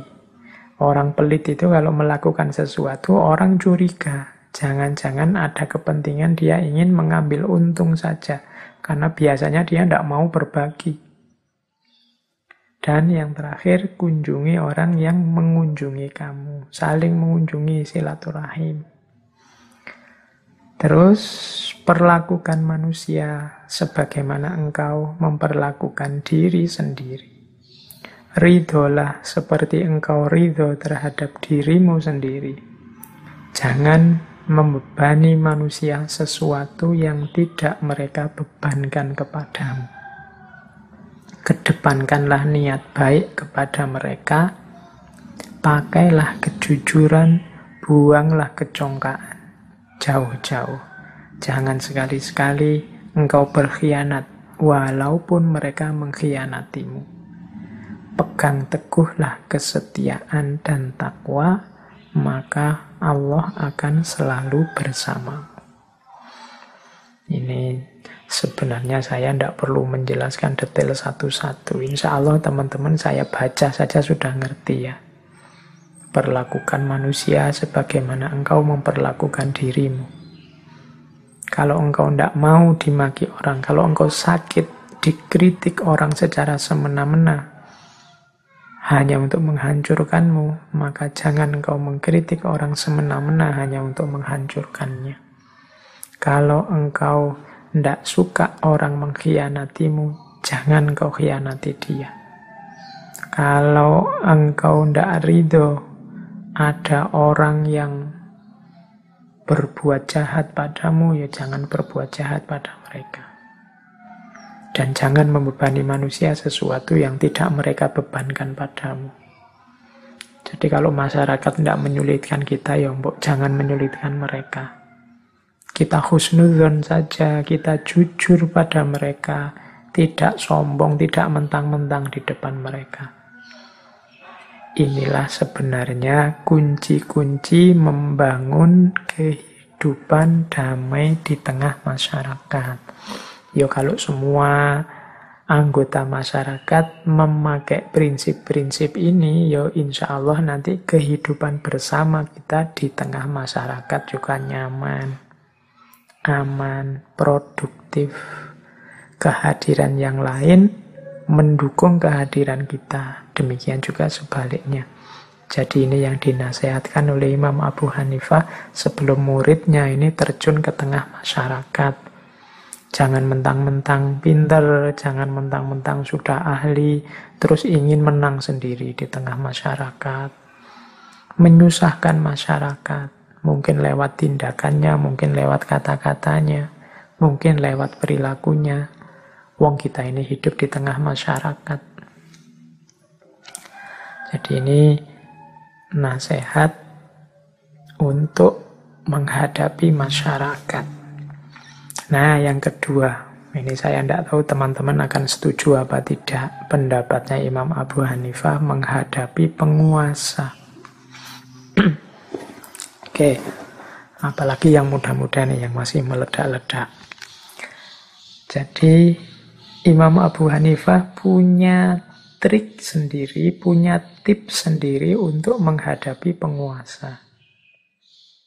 Katanya Imam Abu Hanifah, hormatilah penguasa dan junjunglah derajatnya. Jangan bohong kepadanya, tapi juga jangan mendatanginya setiap saat jika tidak ada keperluan mendesak terkait dengan perkara ilmu.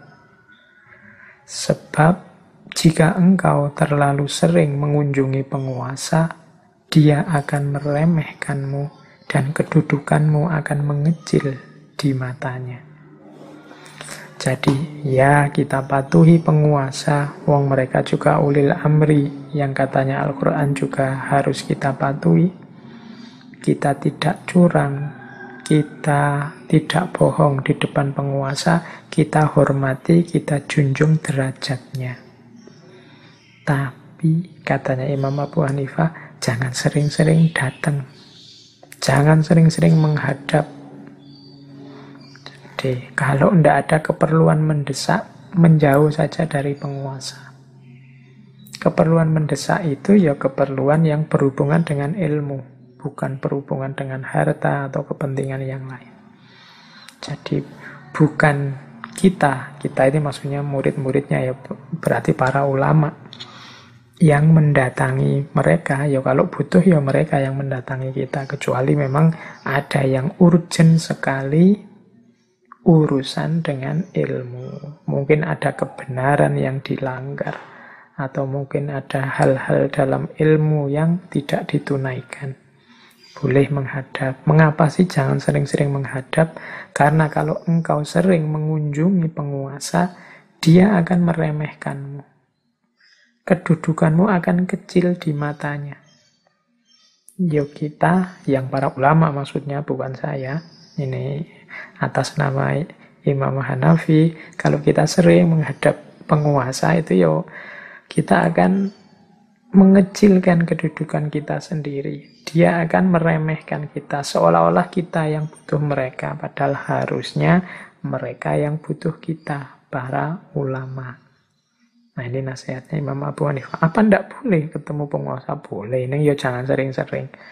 Dan kalau bisa ya ketemu itu untuk urusan yang eksistensial, urusan yang penting.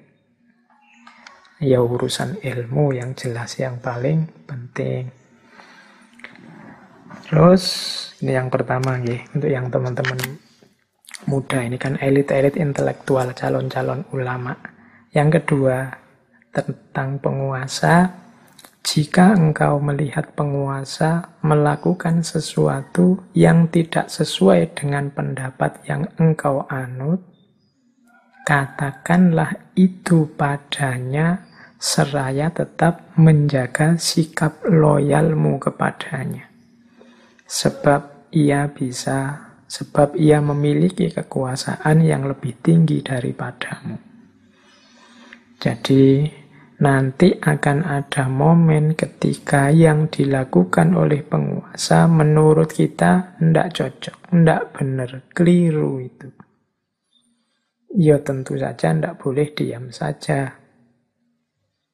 Jadi kita harus mengingatkan wong keliru. Tapi ingatkan secara baik sambil tetap tunjukkan bahwa engkau masih loyal kepadanya. Tidak dalam rangka ingin meruntuhkan dia atau menjatuhkan dia, enggak. Tapi dia melakukan sesuatu yang keliru yang harus diingatkan. Imam Abu Hanifah memberi contoh. Engkau bisa berkata kepadanya seperti ini. Saya tetap loyal kepadamu, wahai Sultan, dalam hal-hal di mana engkau memiliki kekuasaan atasku. Tetapi tindakanmu tidak sesuai dengan ilmu dan pendapat yang aku miliki. Jadi ini adabnya, kalau versinya Imam Abu Hanifah, ya tegaskan bahwa ya jangan khawatir Aku loyal padamu, aku setia padamu karena engkau adalah pemimpinku, tapi ada tindakanmu yang menurut aku tidak cocok dengan kebenaran, dengan ilmu yang aku yakini. Nah, bla bla bla bla dan seterusnya. Tunjukkan di mana salahnya, tunjukkan di mana harus diluruskan. Itulah caranya menghadapi penguasa Ya monggo. Ini sebenarnya bisa diperdebatkan panjang. Misalnya teman-teman bisa ngeyel lah ya Pak kalau pemimpinnya mau mendengarkan. Kalau tidak mau mendengarkan ya makanya carilah pemimpin yang mau mendengarkan. Khususnya ini kan para ulama. Jadi ini cirinya. Jadi pemimpin yang mau mendengarkan ulama yang juga bisa mengingatkan dengan baik tidak sekedar marah-marah, tidak sekedar merusak-merusak, tapi punya strategi. Karena kadang-kadang strategi itu lebih penting dalam rangka mensukseskan tujuan-tujuan kita besar atau kecil. Ini versinya Imam Abu Hanifah. Jadi setelah tadi bagaimana caranya hidup di tengah masyarakat, kemudian caranya menghadapi penguasa. Oke, ambil nafas sebentar. Boleh minum yang sudah siap-siap minuman. Oke, nah nasihat selanjutnya. Ini saya tidak tahu setuju apa tidak teman-teman yang belum menikah ini ya. Ini nasihat tentang mencari ilmu dan menikah. Mana yang didahulukan, mana yang dikemudiankan. Kalau ini versinya Imam Abu Hanifah. Ini menasehati murid-muridnya begini. Jangan engkau terburu-buru untuk menikah. Kecuali setelah engkau tahu bahwasanya engkau sudah mampu untuk bertanggung jawab memenuhi seluruh kebutuhan istrimu.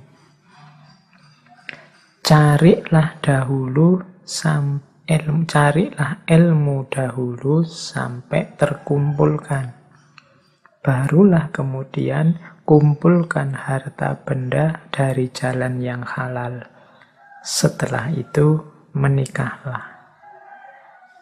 Jadi ternyata urutannya menurut Imam Abu Hanifah ilmu dulu, baru harta, baru istri.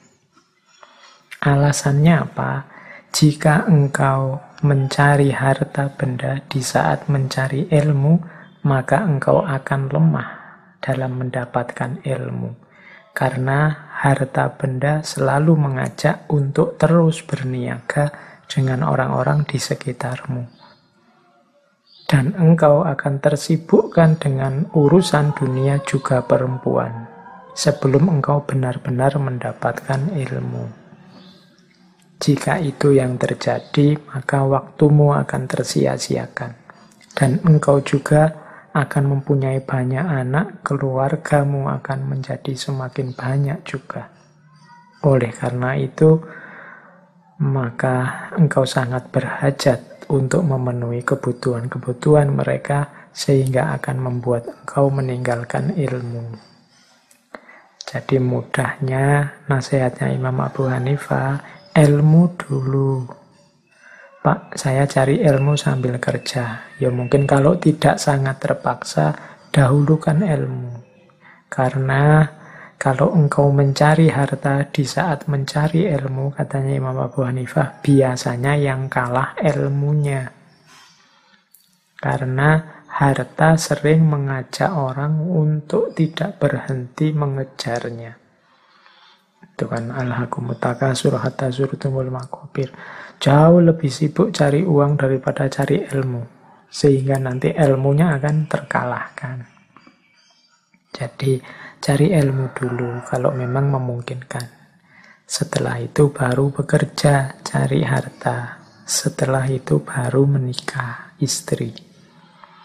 Nah ini urutan ideal versinya Imam Abu Hanifah. Ya mungkin dalam kasus tertentu, di situasi tertentu tidak harus persis seperti ini. Tapi kalau memang bisa seperti ini akan bagus. Karena biasanya orang kalau sudah menikah, itu etos belajarnya juga tidak sama dengan sebelum menikah. Kalau masih bujang mungkin waktunya bisa lebih bebas, lebih longgar untuk memperdalam ilmu. Kalau sudah menikah ya mungkin tidak sebebas sebelumnya. Apalagi kalau sudah ada anak. Jadi cari ilmu dulu baru bekerja baru menikah. Ya saya bilang ini bukan harga mati. Tapi kalau bisa seperti ini ini ideal. Ya mungkin dalam kasus orang tertentu menikah dulu. Mungkin dalam budaya tertentu bisa menikah dulu kemudian baru cari ilmu dan kerjanya yo bareng-bareng cari ilmu itu dan lain sebagainya. Bagi saya pelajaran utamanya adalah rancanglah hidupmu secara baik. Jadi jangan asal dijalani atau jangan dicueki sak melaku-melakune, dirancang. Kalau kalian memang ingin mencari ilmu dulu, ya dirancang. Mencari ilmunya sampai batas apa, kapan, secara resminya. Terus kalau sudah sampai apa, kalian mengizinkan dirimu untuk bekerja. Kemudian kapan harus pernikahannya. Oke, jadi ini salah satu nasihat dari Imam Abu Hanifah agar kita merancang masa depan kita. Oke, terakhir ini waktunya tidak lama lagi. Ada wasiat dari Imam Abu Hanifah kepada putra beliau yang namanya Hamad. Hamad ini nama yang sama dengan guru beliau. Wasiat ini kalau teman-teman ingin melihat di muat di kitab Jami ul Usul fil Aulia ada 20 nasihatnya Imam Abu Hanifah terhadap putra beliau Ya cuma saya ndak bawa 20-20-nya. Monggo teman-teman yang minat dicek sendiri. Saya bawa satu saja yang mengingat waktunya kita. Jadi ini mungkin wasiat yang ke 19 atau 20 wasiat terakhir, wasiat-wasiat terakhir dari Imam Abu Hanifah. Jadi saya ambil satu ya wasiat untuk putra beliau.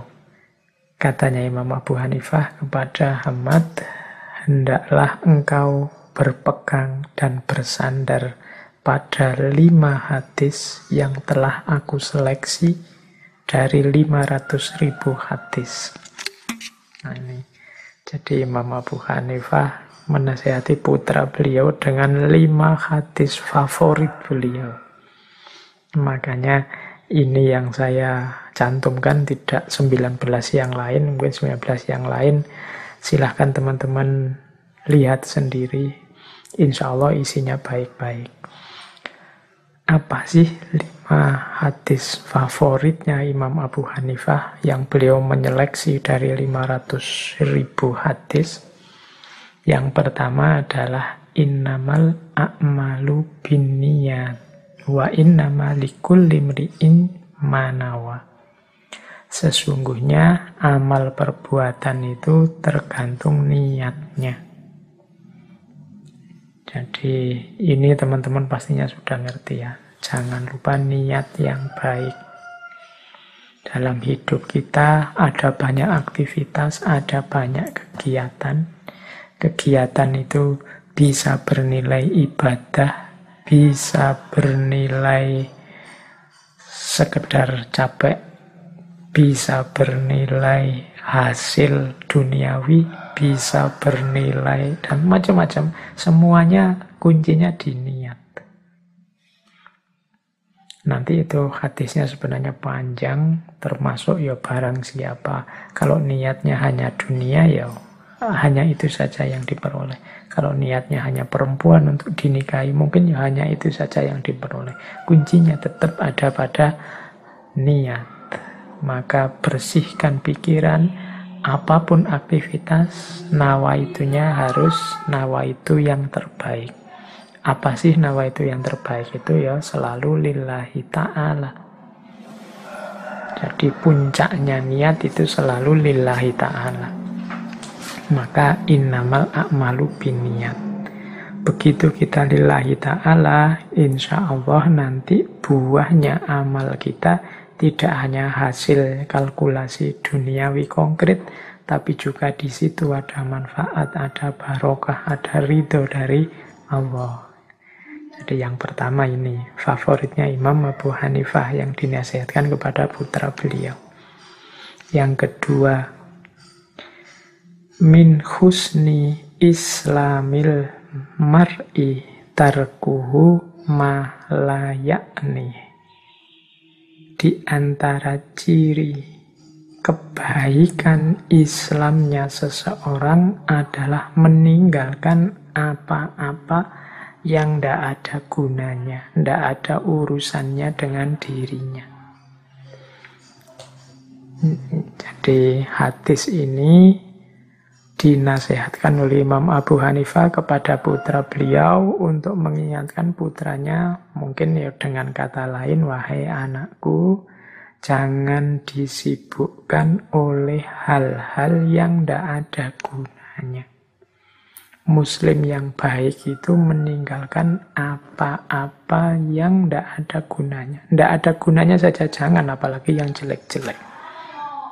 Jadi tarkuhu mala yakni tidak ada gunanya, tidak ada manfaatnya mungkin ya tidak ada hubungannya dengan dirinya untuk peningkatan kualitas dirinya dan lain sebagainya. Jadi tarkuhu mala yakni kita itu kan sering hari ini sibuk, capek, hilang pikiran, hilang tenaga untuk hal-hal yang sebenarnya tidak secara langsung ada manfaatnya untuk kita. Tarkuhu mala yakni capek mengembangkan konflik, capek mencari kesalahannya orang lain, capek menunggu kejatuhan orang yang kamu benci dan lain sebagainya. Maka yuk ditinggal yang tidak ada gunanya ngapain. Hidup kita isi dengan yang manfaat-manfaat. Yang ketiga, la yu'minu ahadukum hatta yuhibbu li akhihi ma yuhibbu li nafsihi tidak beriman seseorang di antara kalian sampai dia mencintai saudaranya seperti mencintai dirinya sendiri. Oh ini kalimatnya agak dahsyat. Layu minum, tidak beriman. Jadi kalau kita tidak mencintai saudara kita seperti kita mencintai diri kita sendiri, iman kita dipertanyakan.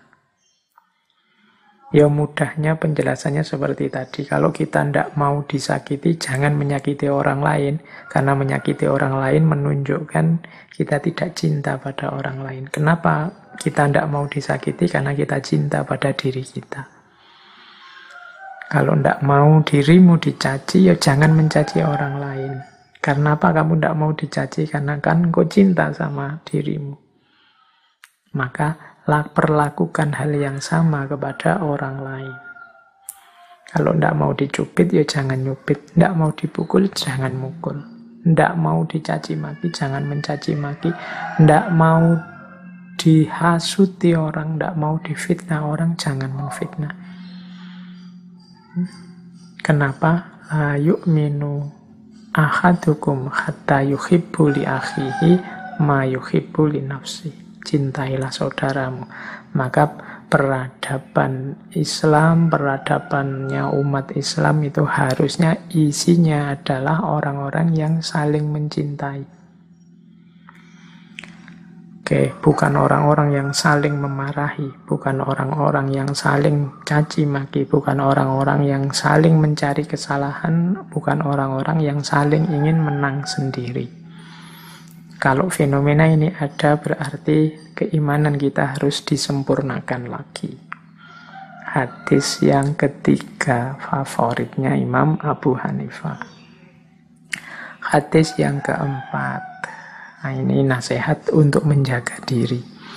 Innal halala bayyinun wa innal haroma bayyinun wa bainahuma umurun mutasyabihat mustabihat la ya'lamuhunna kathirum minan nas. Famanit takos syubuhat istabarro lidinihi wa irdihi. Wa man waqa'a fi syubuhat waqa'a fil haram karra'i yar'a haulal hima yushiku ayar ta'afi ala wa inna likulli malikin hima ala wa inna himallahi maharimuhu. Ala wa inna fil jasadi mudwatun idza soluhat soluhal jasadu kulluhu wa idza fasadat fasadal jasadu kulluhu. Ala wa hiyal. Jadi ini kalau diterjemahkan sesungguhnya yang halal telah jelas dan yang haram juga telah jelas. Ada juga yang tidak jelas bainahuma umurun mustabihat hal-hal yang tidak jelas jadi yang pasti halal itu jelas yang pasti haram jelas di antara keduanya ada yang tidak jelas mana halal mana haram. Layak lamuhunna kafirum minan nas. Banyak orang tidak tahu. Nah menyikapinya gimana? Barang siapa hati-hati terhadap yang tidak jelas ini, maka agamanya dan kehormatannya akan selamat. Tapi barang siapa yang nekat saja nabrak yang tidak jelas, kemungkinan dia akan masuk ke dalam hal yang haram karena tidak hati-hati. Karroi yar'a haulal khima. Seperti seorang penggembala yang menggembala di tepi jurang. dikhawatirkan akan terjatuh ke dalamnya. Jadi kalau ada yang meragukan ini halal apa haram, mending hati-hati dulu, jangan ditabrak saja. Khawatirnya ternyata memang haram. Seperti kalau kita menggembala di pinggir jurang, ya untuk hati-hatinya minggir saja dulu, jangan nekat. Kalau itu jurang beneran kan ya hasilnya fatal.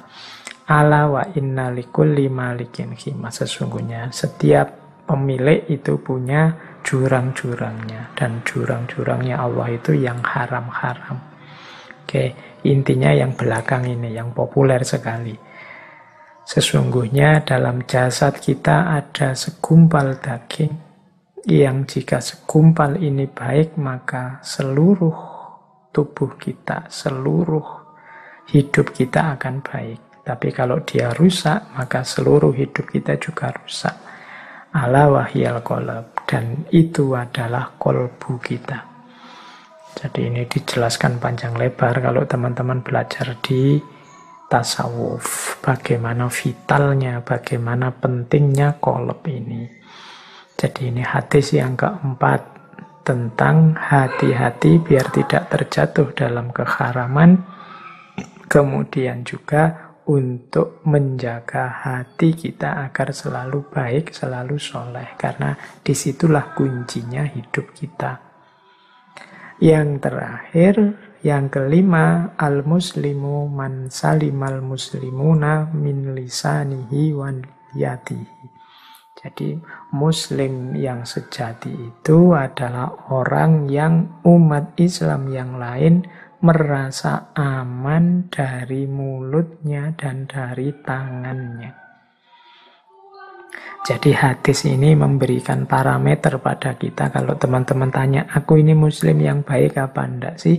Di antara parameternya adalah coba dicek. Orang lain itu merasa aman enggak dari mulut kita dan dari tangan kita.